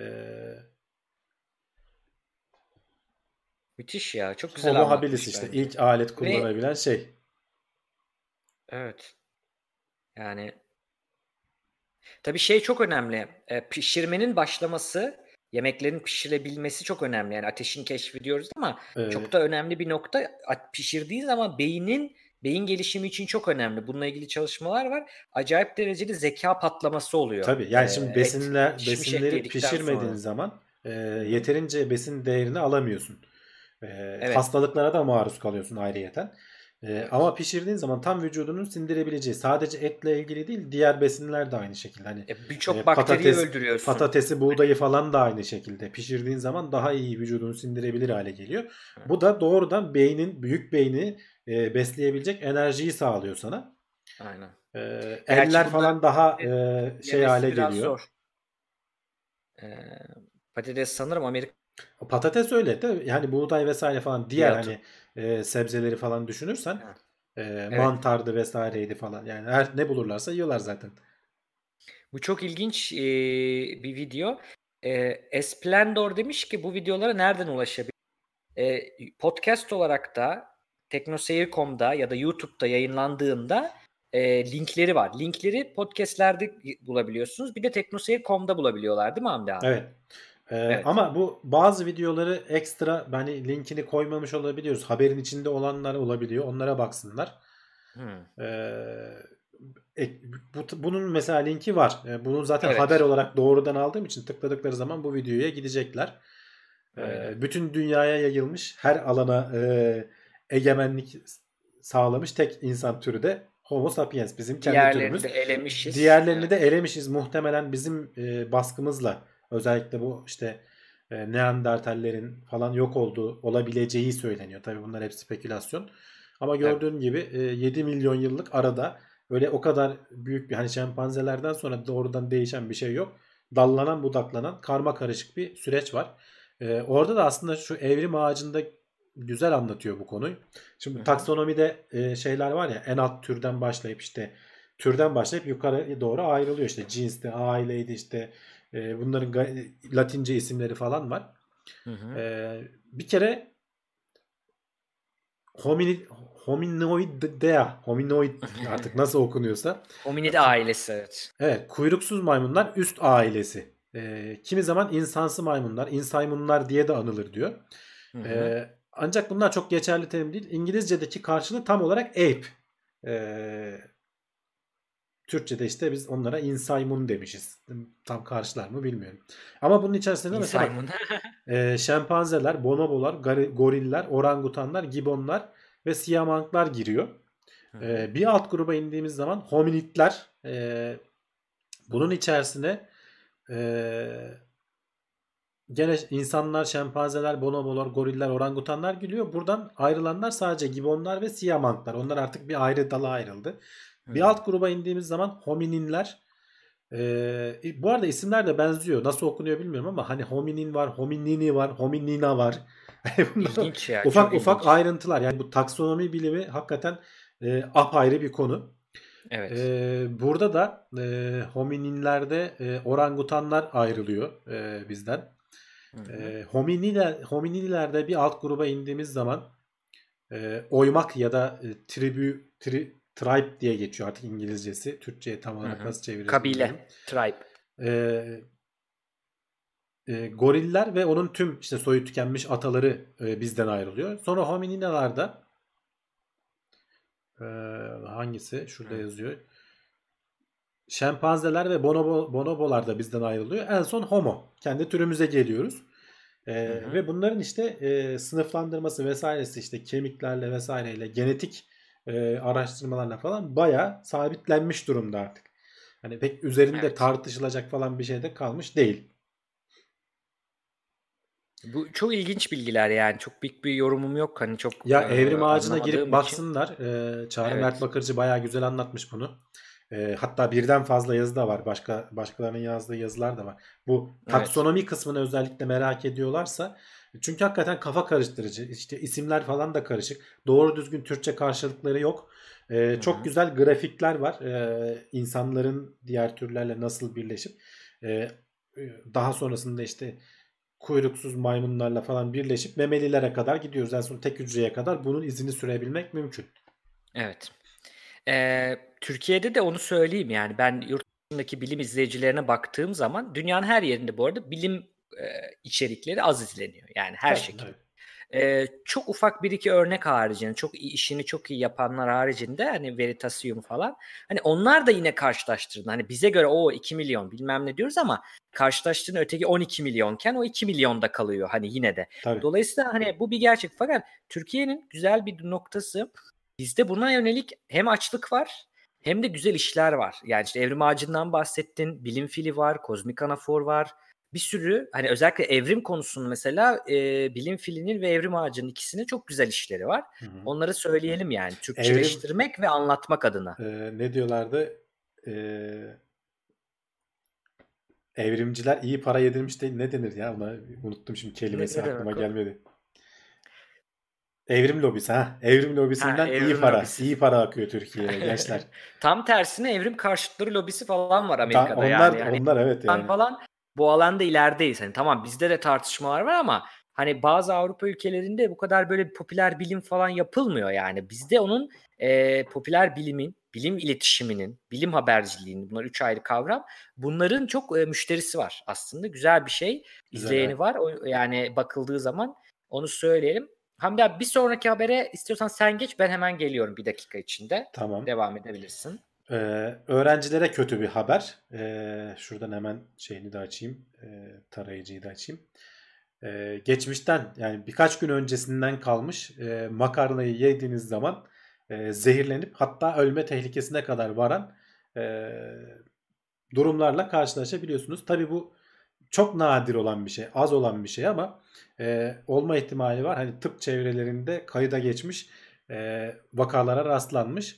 E, bu haberde onunla ilgili. Yani şöyle geçmişten kalmış derken hani 4-5 günden daha e, geriye gittiğiniz zaman e, ve özellikle de mesela ısıtmak için çıkarıp e, tezgahta falan bıraktıysanız işte veya pikniğe götürüp sonra getirip buzdolabına falan koyduysanız onun üzerinde bir çeşit bakteri üreyebiliyor. Özellikle sonuçta besin maddesi olduğu için e, şurada Biceros diye geçiyor ismi. E, tam açılımını bulamadım. Ha, Basilius Sereus. E, bu normalde e, çok ağır e, şartları olan bir e, hastalık oluşturmuyor. Ama eğer bağışıklık sistemin zaten baskılanmışsa ve işte risk grubundaysan işte genelde hani yaşlılar, hamileler, çocuklar falan söyleniyor. Ama hani öyle bir denk gelir ki senin o anki bünyen de zayıf düşmüştür. Belki bir hastalığın etkisindedir. E, çok hızlı bir şekilde e, çoğalıp e, vücudunu e, karaciğer yetmezliğine sokarak e, ölüme sebebiyet verebiliyor. Geçmişte dediğim gibi birkaç tane bunun şeyi yaşanmış. Genelde çok hafif hani belki ufak tefek kusma, bulantı ve ateşle atlatıyorsun. Ama normalde nasıl söyleyeyim birkaç günden fazla hani böyle iki gün üç günden fazla şeyleri e, bırakmamak lazım. E, tehlikeli olabilir. E, etler herkes şeye alışkındır hani etleri yememeye işte e, ne bileyim e, geç, geçmişten kalmış balığı yememeye vesaireye alışıktır. E, ama e, makarna da aynı şekilde tehlikeli olabilir. Özellikle öğrenci arkadaşlar e, bu konuya dikkat etsinler. Sen dinleyebildin mi Cevdet? Vallahi haberin sonuna yetiştim. Ee, benim aldığım bir haberdi bu. Ee, çok ilginç. Hani bayağı e, Türkiye'deki üniversite öğrencilerini bence ilgilen bir haber çünkü makarnanın olması. Ee, hani daha bozulacak, şu bozulur, bu bozulur dediğimiz aslında orada bile bozuluyor ve e, besin zehirlenmesinin hafife alınmayacak bir şey oldu. Yani çünkü herkesin başka şekilde buna tepki vereceğini bu biliyoruz. Bu önemli bir nokta aslında. Yani aynı farklı şimdi E. coli bakterisi çok yaygın besin zehirlenmesi sebep olan ama bu Bacillus cereus denilen bakterinin de hakikaten hani karaciğer e, yani geçmişte e, evet yani var. karaciğer yetmezliğine falan soktuğu yani olaylar yaşanmış ama e, dediğim gibi bunlar az miktarda görülen şeyler. Olmaz olmaz evet. dememek lazım. Hani olabilir. Ee, öyle 4 gün 5 gün hep buzdolabında kaldıysa hadi belki bir nebze ama dışarı çıkarıp işte bu örneklerde yazıda anlatıldığı gibi pikniğe götürüp sonra arttı bu eve getireyim veya işte tezgahta unutmuşum sabah akşam gelince dolaba koyayım falan dediğin zaman işte o bakterilere evet. orada yaşayacak bir fırsat tanımış oluyorsun. Ee, beşinci günün sonunda falan da Üşenme bir daha yap. Makarna o kadar pahalı bir şey değil yani. Beşinci gün şafağında bakteriyi beklemesinler, beklemesinler. sonra. Beklemesinler. Şimdi e, tabii burada evet hani korkutmayalım da yani yemeğin etmeyin değil ama ısıtma yöntemlerini şimdi mikrodalga güzel bir yöntem fakat her yerini eşit oranda ısıtmıyor ve yüksek sıcaklıkta uzun süre bulunmuyor aslında. Bizim o yiyecek hemen öyle bir ısıtma şeyine dikkat ederlerse mesela mikrodalgada ısıtılan bir şey çabuk soğur. Hı hı. Çünkü uzun süre o ısıya maruz kalıp bütün her yerine işlemiyor öteki türlü ısıtmadaki gibi. Bunu deneyebilirler özellikle bir yöntem. Çünkü birçoğunu öldürüyoruz bu ısıyla. Bunun haricinde de hemen dolapta saklamak. Yani tezgah üzerinde, tencere içinde e, bırakmamak e, önemli. Bir de dediği gibi çok az vaka bunlar. Olmayan vakalar değil ama 5, 6 hani öyle e, yüzlerce vakada yok. Hani onu da tabii, söyleyelim. Tabii. Ee, öyle bir bilgi şimdi şey diyecekler bize. Espri yapayım diye böyle başlık attım. Tekno seyir clickbait yapmaya başladı derler artık. Bakalım. daha. ya o kadar da olsun pek beceremiyoruz bu işleri ama. Bu kadar beceriyoruz bu kadar mi? Öğrencilere kötü haber. Bu kadar becerdik. Son habere geldik. Evet geçen ee, hafta biraz aslında sen giriş yapmıştın galiba değil mi? Ee, evet. Yayından Söz sonraki vermiştik. E, yayından önce miydi? Hani yayını kapatmadan önce miydi? Sonraki soru cevap kısmında mıydı? E, tam hatırlayamadım evet. şimdi ama e, bu hafta bundan biraz bahsetmiştik. E, evet. Ne diyelim araştırmalara göre en iyi ve en kötü çalışma alışkanlıkları diye bir başlık evet. atmışsın sen. Şimdi bu önemli. Bu çok güzel bir e, ben bunu araştırdım. E, bayağı bir haber buldum. Konuya göre aradım bu sefer. Genelde çıkan haberleri alıyoruz ama Hı-hı. bu konuyu güzel işleyen bir yazı, blog yazısı bulmak istedim. Ee, ve çok güzel aslında 250'nin üzerinde makale bu konuda çıkmış. Uygulamalı psikoloji alanında çıkmış makaleleri toplayıp bunların yüze indirip yüzünün de burada şeyi var. Yani referansı var içerisinde. Çok güzel. Ee, buna bakıyoruz. Şimdi hepsini toplayacağız. Özetle hızlıca anlatacağım bunu uzun. Olay şu. Merak ediyorsanız ben odaklanamıyorum. Çünkü e, senin konuştuğumuz bir haberde şöyle haberler de var. Yani geleceğin en önemli yeteneği hani bu yapay zekanın falan yükseldiği dönemde en önemli yetenek dikkatinin dağıl, dağılamaması. Yani dikkati zor dağılan insanlar olmak önemli bir meziyet haline Yani gelecek. hatta geleceği bırak şu anda da öyle. Yani o kadar çok bilgi bombardımanına maruz kalıyoruz ki bu işte anlık bildirimler, mesajlar, e-mailler vesaire falan derken bir şeye odaklanamıyorsun. Sürekli araya bir şey giriyor. Evet. E, bu e, o bahsettiğim blokta geleceğin en önemli sermayesi bu olacak diyorlardı. Evet. Şimdi benim zaten e, tezimi aslında yazdığım konu, yüksek lisans tezimi yazdığım konulardan bir tanesi attentional control ya da dikkat kontrolü dediğimiz bir nokta. Bu da nedir? Sana dışarıdan bir uyaran geldiğinde yaptığın işten alakasız bir işte bildirim çaldı, bing bing bir şey geldi. Uzaktan bir haber duydun, televizyonun sesini duydun. Bunlara karşı dayanabilmek, bunlara dikkatlerini dağıtmadan işine odaklanıp kalabilmek demek aslında dikkat kontrolü ya da dikkatsel kontrol. Bir gün aslında az haber olduğu bir gün bir hafta onu anlatırım istersen. Hani bulgularımız ilginçti çünkü. Şimdi buradaki konuşulan e, konu bir kere öncelikle 7 tane 7 büyük günah çalışmada yapmamanız gereken araştırmalara göre yapmamanız gereken nokta ve bunları dikkat ederlerse aslında bazılarının hep duydukları şeyler ama bazıları ilk defa duydukları nokta olabilir. Ayrım şu. Bu arkadaşınızdan duyduğunuz ne bileyim işte o ne diyor şu ne diyor bir yerlerde okuduğunuz böyle bir haberlerden ziyade bunlar direkt bilimin desteklediği bilgiler öyle söyleyeyim. Birincisi şu çalışacağım diye gece geceye ayakta kalmak, sabahlamak dediğimiz hani bu çalışmayıp çalışmayıp finallerden evvel sabahlamak dediğimiz şeyi yapmayın diyorlar. Çünkü çok net bir şekilde uykusuz kalmakla akademik performans yani sınavda alacağınız not arasında büyük bir ilişki var. Birinci bu. İkincisi daha az uyuduğunuzda dikkatiniz düşüyor. Düştükçe siz daha az öğreniyorsunuz. Daha çok çalışmak istiyorsunuz. Bu sefer daha çok uykusuz kalıyorsunuz. Böyle bir kısır döngüye sokuyor. Strese sokuyor bizi. Böyle bir nokta var. Bunun haricinde uzun süre uykusuz kalanlar. Hani kimileri ben şimdi duyuyorum böyle şey yapanlar var. Ben kalkıyorum, geç yatıyorum, erken kalkıyorum. Hani işte geç yatıp erken kalkamayan ya da akşam oldu mu erken yatanlara hani biraz böyle şey yapılır. Aşağı gözle hani tavuk musun? Erken yatıyorsun da kalkamıyorsun. Halbuki öyle bir nokta yok. Uzun süre uykusuz kaldığınızda bunun beyne uzun vadede büyük zararları var. Beyin yapılarına özellikle bunlar da bulunmuş noktalar. E buna zarar olduğu zaman sizin notlarınızı da tabii ki etkiliyor. E, buna baktığımız zaman bir kere uykusuz kalmayacağız. Birincisi bu. Onu söyleyelim. Tamam. İkincisi yapılan nokta saatleri saymak. Yani massing deniyor buna. Yani bir yere bütün saat çalışma saati toplamak. Nedir? Demin dediğim gibi çalışmadım, çalışmadım, çalışmadım. Son dakika kaldım. Bu kitabı ben 8 saat oturup bitireyim gibi. Hep ya da şeyden oturup 4 bahsediyorsun. saat çalışayım gibi. Ee, ilk iki haber şey ilk iki madde zaten şey e, düzenli çalışmayı sağladığın zaman ilk iki maddeyi çözmüş Evet. oluyorsun neredeyse değil mi? Aslında düzenden çok da böyle hani müthiş program yapacağım. Mesela bizim zamanımızda dershanelerde öyle bir olay var. Herkese uygun değil bu. İşte program yapacağım, şu saatte bunu yapacağım, bu saatte bunlar çalışmıyor. Hı. Genelde bunu uyabilen insan çok az. Fakat burada söylediğimiz şu. Normal uyuma düzenini değiştirme çalışma. Birincisi bu. Yani sabahlama yani. Hani mecbur değilsen. İki, bak tıp fakültesi demişler. Tıp fakültesindeki arkadaşlar çok yaptı. İki de oturup 4 saat çalışmak yerine çalışacağınız konuyu 20 dakikalık, 25 dakikalık noktalara böl Hı. aslında. 25 dakika çalış, bekle. 25 dakika çalış, ara ver. Neden? Çünkü o arada aslında beyin onları kaydediyor. Uzun süreli hafızaya atıyor. Ara vermek o açıdan e, şey etkili. miydi neydi Pomodoro tekniği mi diyorlardı öyle bir hikayesi Evet. vardı onun. Aynen öyle. Pomodoro tekniği burada devreye giriyor. Pomodoro aslında psikoloğun bulduğu bir şey. Nereden çıkıyor biliyor musun Hamdi abi? Bu Amerika'da çok yaygın e, domates şeklinde şeyler var. Böyle kuruyorsun saat işte atıyorum yemeği attın 15 dakika makarna pişecek veya yumurtayı attın şu kadar da onu vardır ya böyle Hı hı. eskiden varmıştır. Şimdi biz telefondan yapıyoruz da. Onu görüyor adam. Diyor ki çalışırken ben bunu 25'e ayarlayayım.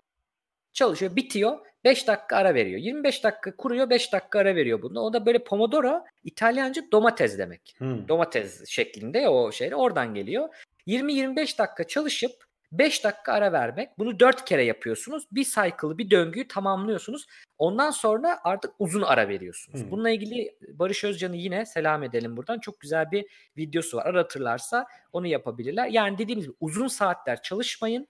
20 maksimum hadi bilemedin 45 dakikalık e, böl, bölmelere ayırın. Küçük parçalara ayırın e, diyelim. İkinci e, şeyimiz de bu. Üçüncü ipucumuz e, aslında e, ne çalışacağınızı bilmeniz lazım. Yani şu nokta ben bunu çok yapıyordum. Buradan beni izleyen üniversitede e, psikoloji bölümündeki arkadaşlarım varsa bir 4-5 arkadaşla biz bunu çok güzel hep böyle çalışırdık. Hatta ben de şu an benim el yazım çok kötüydü Hamdi abi. bir tane Damla diye bir arkadaşım vardı. Selam edeyim burada. O da yüksek lisansını bitirdi.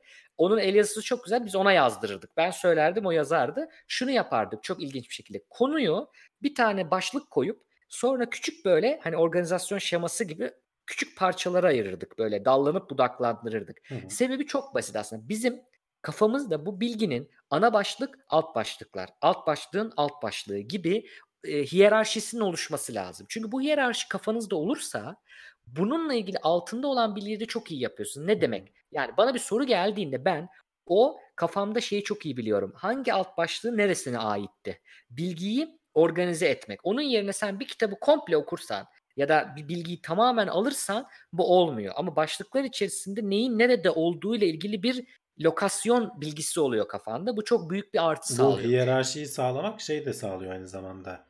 E, düzenli çalışmanı da sağlıyor. Yani ne kadar e, önce başlayıp ne zaman bitirebilirim, e, düzgün bir şekilde nasıl yetiştirilebilirimi hesap edebiliyorsun. Yoksa öteki türlü neyi çalışacağını bilmezsen e, başlasan bile iki gün öncesinden belki zaman yetmeyecek. E, Evet. Konuyu, konunun farkına varmayacaksın. Beklediğinden daha çok zaman gidecek. O yüzden Aynen. böyle başlıklara ayırmak, küçük parçalara ayırmak mantıklı. Ha, evet yani en azından ara vereceğin zaman da şuraya kadar çalıştım diyorsun. hani Evet, evet. başkasına anlatırken de öyle. Bak e, canlı izleyin, izlemek şansınız varsa izleyin diyoruz. Niye? Çünkü şu anda bir soruyla bizim anlatacağımız şeyi yönlendirebiliyorsunuz canlı izlerseniz. E, Red Effect 3 demiş ki çok aralar vermek cidden kötü oluyor benim için. Ben bir bir oturup 3-4 saat çalışmak güzel oluyor demiş.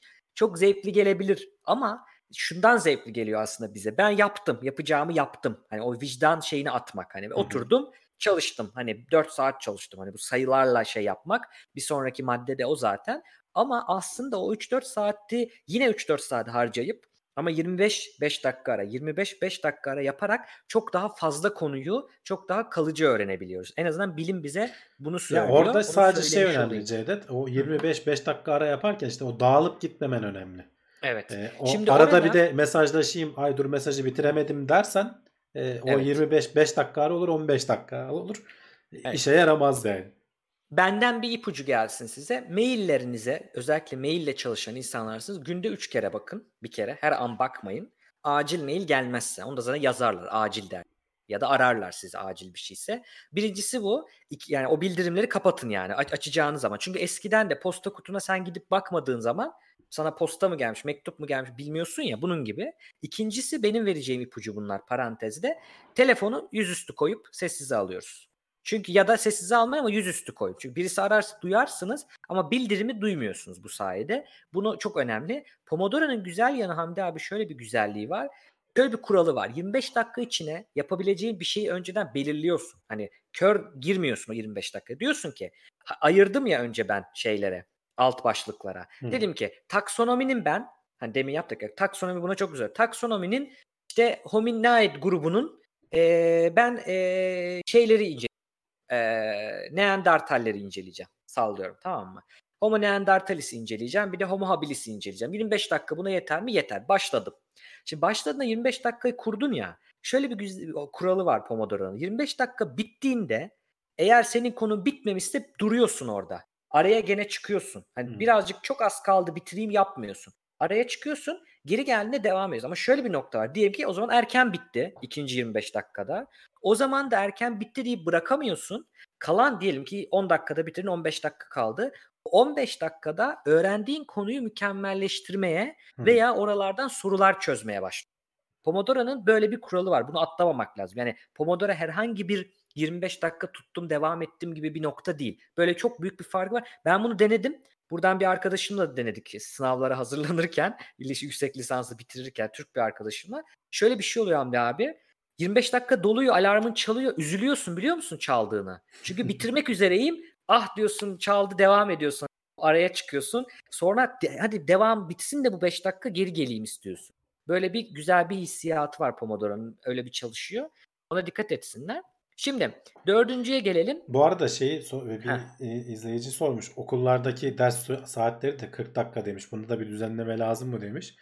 Ee, aslında lazım ama orada şöyle bir şey oluyor. Sen o 40 dakikayı tam net kullanamıyorsun işte. Curcunayla geçiyor Evet. başı sonu bilmem ne derken zaten 30 dakikaya falan iniyor aslında senin verimli olarak Evet. kullanabildiğin. Ki zaten 30 dakika şu anda hani 45 maksimum 30'da di- e, sağlıklı bir şekilde dikkatini tutabildiğimiz ortalama süre bu. Hani kişiden kişiye değişir ama 25-30 dakika max işte 40-45'te yapan var ama duruma göre böyle olması lazım. Bizim e, e, üniversitede birinci sınıftayız Hamdi abi psikoloji öğreniyoruz. Çok okuyoruz ya biliyoruz ya her şeyi. Hocamız geldi. Amerika'dan yeni dönmüş bir hocamız. Bize daha böyle yaşı yakın bir hocaydı. İstatistik anlatıyor bize. Dedi ki blok ders yapacağım. 45 dakika 45 90 yapacağım. Araya çıkmayın. Tamam mı? Tamam dediler. Ben hayır dedim ama birçok insan evet dedi. Birkaç kişi hayır dedi ama yaptık. Sonra gittik arada hoca şimdi şey yapıyoruz ya okuyoruz ya biz de kitapları bilmem ne. Hocaya şey yapacağız. Dedik ki hocaya hocam hani attention span yani işte dikkatin alınabildiği alalı 45 dakikaydı araştırmalara göre. Niye blok yapıyorsun? Anlamadık ikinci saati dedik. Ay, Hoca da şöyle kıvırdı diyeyim. Aslında güzel bir cevap ama biraz da kıvırdı. Dedi ki ya evet doğru araştırmalar bunu gösteriyor ama size hiçbir zaman iş hayatınızda kimse a 45 dakikada oldu toplantıyı bitirelim çünkü insanların attention span'i bu kadar demeyecek. Hı. O yüzden beyin de alıştırılabilecek, eğitilebilecek bir durumda olduğu için ben sizi buna eğitmeye çalışıyorum dedi aslında. Hani Evet, güzel. Böyle ben ben Güzel ortaya detay. bırakayım cevabı. Güzel bir Şimdi gelelim eee, çok fazla şeyi saymaya. Olay şu. Ben bütün kitabı bitireceğim dediğin zaman yani bu nokta iyi bir nokta değil. Ama şunu yapacaksınız. Yine bölmek. Böl ve yönet taktiği. Bütün kitabı değil onu mantıklı bölümlere ayırıp bugün bu kadarını yapacağım. Gerçekçi düşünün. Çünkü bunu söyleyip yapamamak da var işin içerisinde. Bunu söyleyelim. Şimdi şöyle bir nokta var. Zaman ayırırken de gerçekçi zaman ayırmakla ilgili Parkinson yasası deniyor buna Hamdi abi. Hı hı. Parkinson yasası şunu söylüyor psikolojide. Bir şeye sen bir zaman ayırırsan o zamanı doldurursun genelde. Yani diyelim ki 10 dakikalık bir iş ama ben buna 30 dakika verdim zaman olarak. Genelde 30 dakika sürüyor 10 dakikalık iş. Kısaca Hı. bunu söylüyor Parkinson yasası. Dolayısıyla bunu dikkat etmemiz lazım. Fazla zaman da verirseniz bu sefer bir olaya çok fazla zaman harcarsın. Bu da nokta. Ee, böyle bir nokta söylemiş olalım. Dolayısıyla zaman küçük küçük parçalara ayıracağız. Yapılabilecek şeyleri Ee, ve e, toplam materyal üzerinden hani ben bugün bin soru çözdüm. Ben bugün 5 saat çalıştım gibi aramızda bu söylediğimiz e, hava atma cümlelerini bırakacağız. Bunların bir anlamı yok onu söyleyeyim. Kesinlikle. Çünkü bin soru aynı konuyu bin soru çözdüysen evet bin soru çözdün. Hani şey gibi megapiksel muhabbeti gibi oluyor bu yine. Ama bir ne yaptın, ne öğrendin? Hiçbir şey öğrenme. Aynı konuyu öğrendin gibi bir Evet. nokta. Beşe gelelim. Ee, erteleme davranışı. Procrastination dediğimiz erteleme Tam, davranışı. tam benim hareketim. Heh, evet. Erteleme davranışında önemli olan noktalardan bir tanesi hep bildiğimiz şey. Ona geçmeyeceğim ama şunu biliyoruz. Ee, aslında erteleme yaparken biz algıladığımız kaygıyı erteliyoruz. Olayı değil. Yani niye erteliyorum? Ben bir şey şu an yapmak yerine niye erteliyorum? Ya olaydan bir çıkarım yoktur. İstemiyorumdur yapmak. Yaptığım zaman yapabileceğime inanmıyorum. Bir sonuç çıkacağına inanmıyorumdur. Biraz bunları sorgulasın arkadaşlar. Hani çok böyle erteleme yapanlar için söylüyorum. Ben de yapıyorum bu arada. Herkes yapıyor ama Herkes hani yapıyor tabii. problem haline gelmişse bu artık bunu sorgulasınlar. Ertelemede de yaptığımız nokta şu vardır. Ya bütün materyaller elimde olsun. Bilmem kimden not alacaktım onu da alayım da. Hocadan kitap gelsin de her şey yerin yerli yerinde olsun da işte çayımı da alayım da şunu alayım da çok güzel çalışacağım. Biliyoruz ki öyle olmuyor. Yani her şeyi ayarlayıp da oturup başına süper çalışacağım dediğinde olmuyor. Yani öyle şeyler vardır ne bileyim bilgisayarın pili yok şimdi. Telefonun bilmem nesi yok şimdi. Evde şimdi insanlar var. Canım hep şey bahane. var, üniversite sınavına hazırlanırken okumadığın kadar kitap okursun. Gitmediğin Heh. kadar sinemaya gidersin, film izlersin vesaire. Yani hiç Evet. normal hayatında yapmadığın bir sürü bir şeyi yaparsın. Bunlar kötü bir şey değil ama bak burada da önemli bir not vereyim. Ee, not koyalım araya. Çok önemli. Ee, bunları sa- çalışma saatinden almadığın sürece yapman Ama sorun gerekiyor. orada zaten. Heh, yani, Yani. evet şöyle anlaşılmasın. Yok senin dediğin doğru. Hani bahane. Ev, ev işleri yapmayan adam çalışacağı zaman evi temizler mesela. Aynen. Hani çok klasik yani. Şimdi o ayrı bir şey. Ama şunu demeye çalışıyorum. Saatini diyelim ki ayarladın. Zamanında ayarladın. O konuda bitti o gün çalışacağın konu. Gene bu aktiviteleri fazla fazla yapın. Sizi rahatlatan aktiviteleri. Neden? Çünkü bu çok güzel dengeli gidiyor. Bu çok önemli bir nokta. Bir nevi ben ona şarj olmak diyorum. Hani deşarj ediyor bizi bu aktivite. Şarj olmak gerekiyor. Ben ÖSS zamanında başarı başarısızlık onlar tartışılır ama ben istediğim bölüme girebilmiş bir insan. Hani öyle söyleyeyim. Hani öyle bir örnek vereyim. Ee, istediğim bölümün istediğim okuluna girebilmiş bir insanım. Bunu nasıl yaptım dersen bana şeydeki dershanedeki hocalar dedi ki yapacaksın. Saat 1'de bunu çözeceksin. Saat 2'de bunu çözeceksin. Günde 500 soru çözmen lazım. Biraz hızlandırman lazım kendini falan dediler. Öyle yapmadım. Dedim ki matematiğin mesela bugün işte integral bitmesi lazım. O gün ama bak. O gün integral 5 saat sürüyordu. Aralar vererek bitiriyordum. Başka bir gün kümeler oluyordu mesela öncesinde. Kümeler 2 saatte bitiyor Hamdi. 1 saatte bitiyor Hı. konu olarak. 2 1 saat sonra bittikten sonra ben o gün oyun oynadığımı çok net hatırlıyorum. Oyun oynadığımı, enstrüman çalıştığımı, ne bileyim arkadaşlarımla buluştuğumu falan çok net hatırlıyorum. Çünkü ne kadar yoruluyorsan o kadar da dinlenmek gerekiyor. Bunun faydasını gördüm kişisel olarak. İşte ama planlı olmak önemli orada. Evet. Yani o gün o konu bittikten sonra yaptım onu. Ama dediğim gibi şans bir gün 5 saatte bitiyor konu, bir gün 1 saatte bitiyor. Önemli Hı hı. olan o gün o konunun bitmesi. Şimdi bu procrastination yani erteleme ile ilgili bir şey söyleyelim.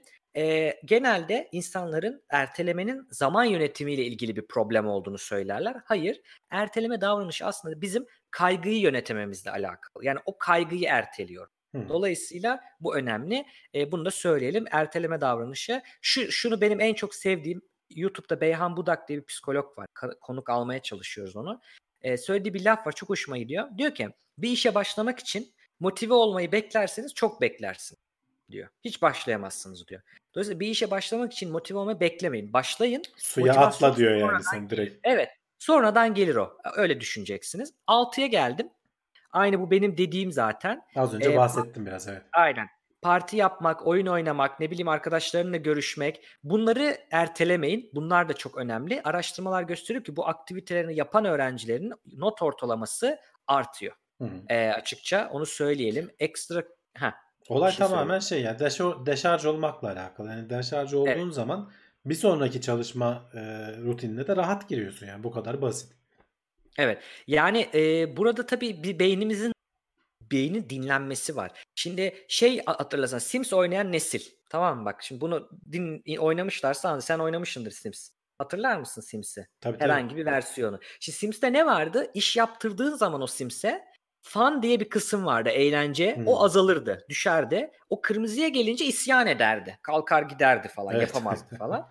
Hakikaten. Sonra ne yapar? İşte oyun oynatırdın. Ne bileyim gider ne yap ne yapıyorsa orada bir sürü piyano çaldırırdı, müzik dinletir falan. O fan dolardı. Televizyon izlerdi falan. Fan Hmm. dolardı. Tek aynı öyle düşünsünler aslında. Böyle bir nokta var. Araştırmalar Zaten o da gerçek bunu hayattan gösteriyor. alınma muhtemelen değil mi? Tabii tabii. Sims Sims ya simülasyon. Biz oynuyorduk bu arada yayında zamanım varken benim. Her zaman oynuyorduk. Şey yapmıştık Hamdi abi. E, Canan Dağ Deviren'le Marie Curie'yi birleştirip Canan Curie diye bir Sims karakterimiz vardı. Ondan sonra onu oynatıyordu. Bir de Umut Yıldız Hoca'yı almıştık. Umut Star diye almıştık onu da. O da ikisi orada takılıyordu. Araştırmalar falan yapıyorlardı. Ee, aklı, e, YouTube'da var bakarlar ona. İlginç bir Bunu da geçiyorum. yani. İlginç. Sona geldim. Yedinci yapmamız gereken büyük günah çalışırken şu yemeğinizi, suyunuzu ve egzersizinizi eksik etmemek. Hı hı. Yani susuz kalıp şey kalıp yapmamak. Bu arada kahve ve çay da sudan sayılıyor. Hani böyle bir yanlış anlaşılma varmış. Birkaç doktorla da bunu konuştum. Araştırmalar da gösteriyor ki e, kahvede ve su, e, çayda da su var. Yani su su içmiyorsun. Sadece çay kahve içtim su içmeliyim diye bir şey yok. Onunla da su alınıyormuş. Çünkü zaten bunların hani çayın kahvenin tamam diüretik etkisi var. Ee. Ama sonuçta içindeki e, malzemenin de %99'u su. Yani ona Evet. bakarsan E, yani astarı yüzünden pahalıya gelmiyor. Su Gelmiyor. miktarı o kadar fazla ki diüretik etkisinin dediğin gibi üzerine çıkıyor. Bunları yapmamamız lazım. Ee, işte mesela iyi yemek yemek, iyi beslenmek, yemeği atlamamak, kötü kötü böyle hani acele yiyorum deyip yapmamak. Çünkü yemeğin de o bize kattığı bir sosyal bir artısı var. Hı hı. Bununla ilgili çalışmalar da burada var. Geçiyorum bunu. Şimdi bunlar yapmamamız gerekenler. Tamam mı? Şimdi yapması gereken artıları söyleyelim. Bu kötü olanlardı. İyileri de aslında söylemiş olduk yerinde. Ötekileri Hı hı, söylerken. hı hı. Bir de ek taktikler. e, aralık vererek araya birer zaman koyup tekrar etmek. Yani bir saat vermek, 4 saat vermek gibi aralara bir zaman koyduktan sonra çalıştıktan sonra tekrar etmek. Bu tekrar çünkü zihinde çok değişik bir etki yaratıyor nöronal bağlantılarda ve onu e, bağlantıyı çok güçlendiriyor. Çünkü şey gibi düşün aslında. Nasıl anlatayım? Ee, yolların kullanılmasıyla o yollar genişliyor. Şimdi öyle Ya bir anlatalım. patikanın oluşumunu düşün. Yani işte Evet ne kadar üzerinden geçirdikçe geçerken Heh, çok güzel verdin. O patikanın şey olması. Ama o patikanın bir anda hızlı hızlı geçmek değil. Bir geçiyorsun, bir bırakıyorsun. Yağmur yağıyor, rüzgar esiyor. Sonra bir daha geçiyorsun üzerinden. O araya zaman geçtiğinde beynin ona verdiği tepki başka oluyor. Evet. Dolayısıyla e, bunu yapmakta fayda var. Benim en güzel söylediğim birini çağırın yanınıza. Annenizi, babanızı, konuyu bilmeyeni ona anlatın. Hatırladığınız kadarını. Hı hı. Doğru anlatmak zor. Hatırladığınız kadar. Onların bazı soruları Annenize olacak. babanıza eziyet edin diyor seni. Evet, onları bir kenara çekin, kitleyin.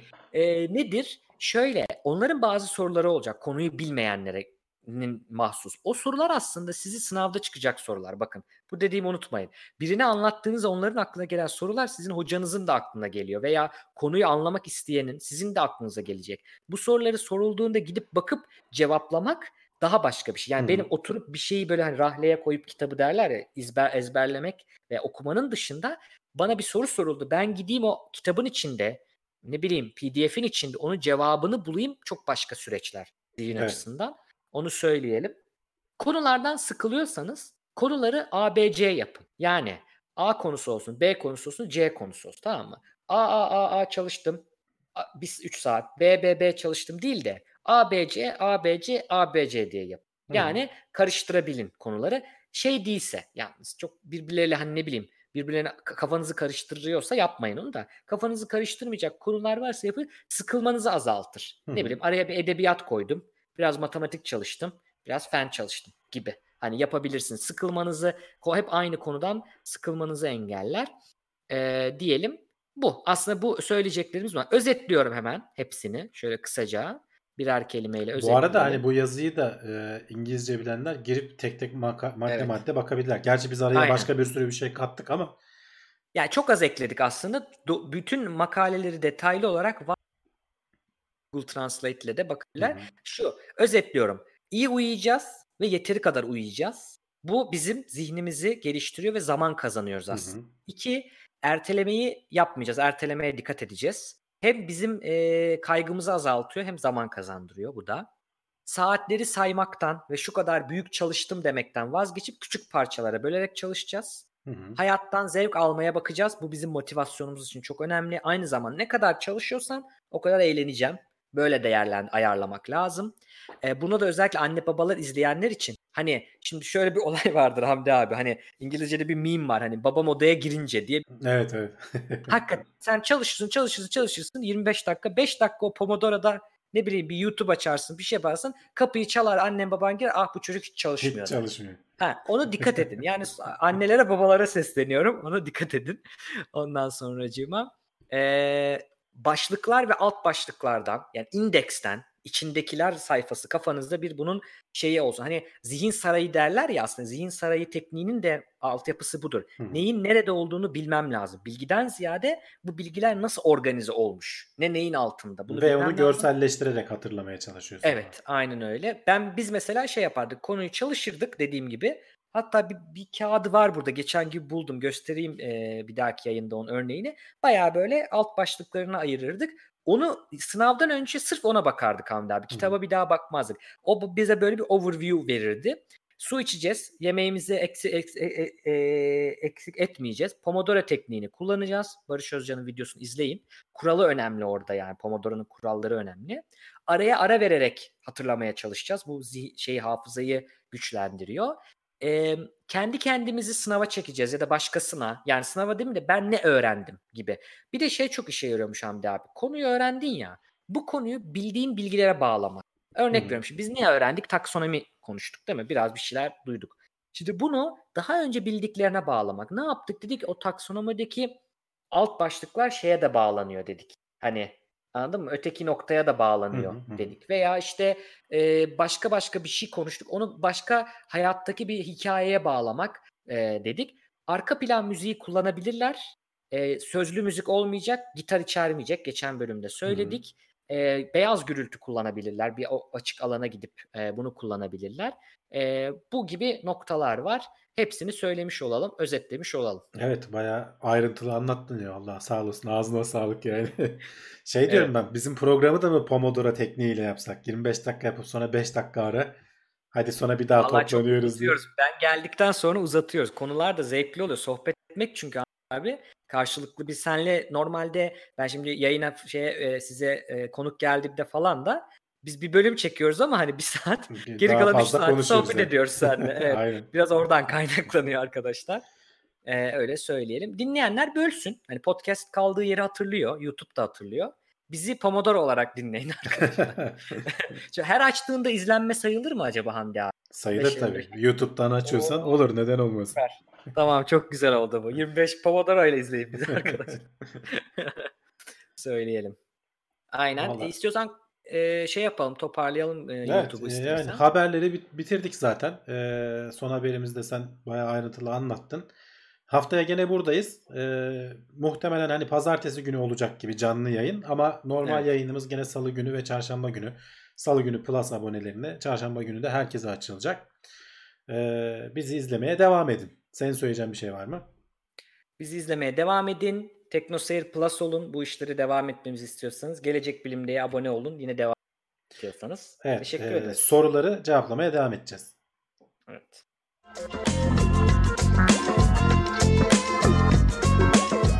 Tailwords teknoloji ve bilim notlarını sundu.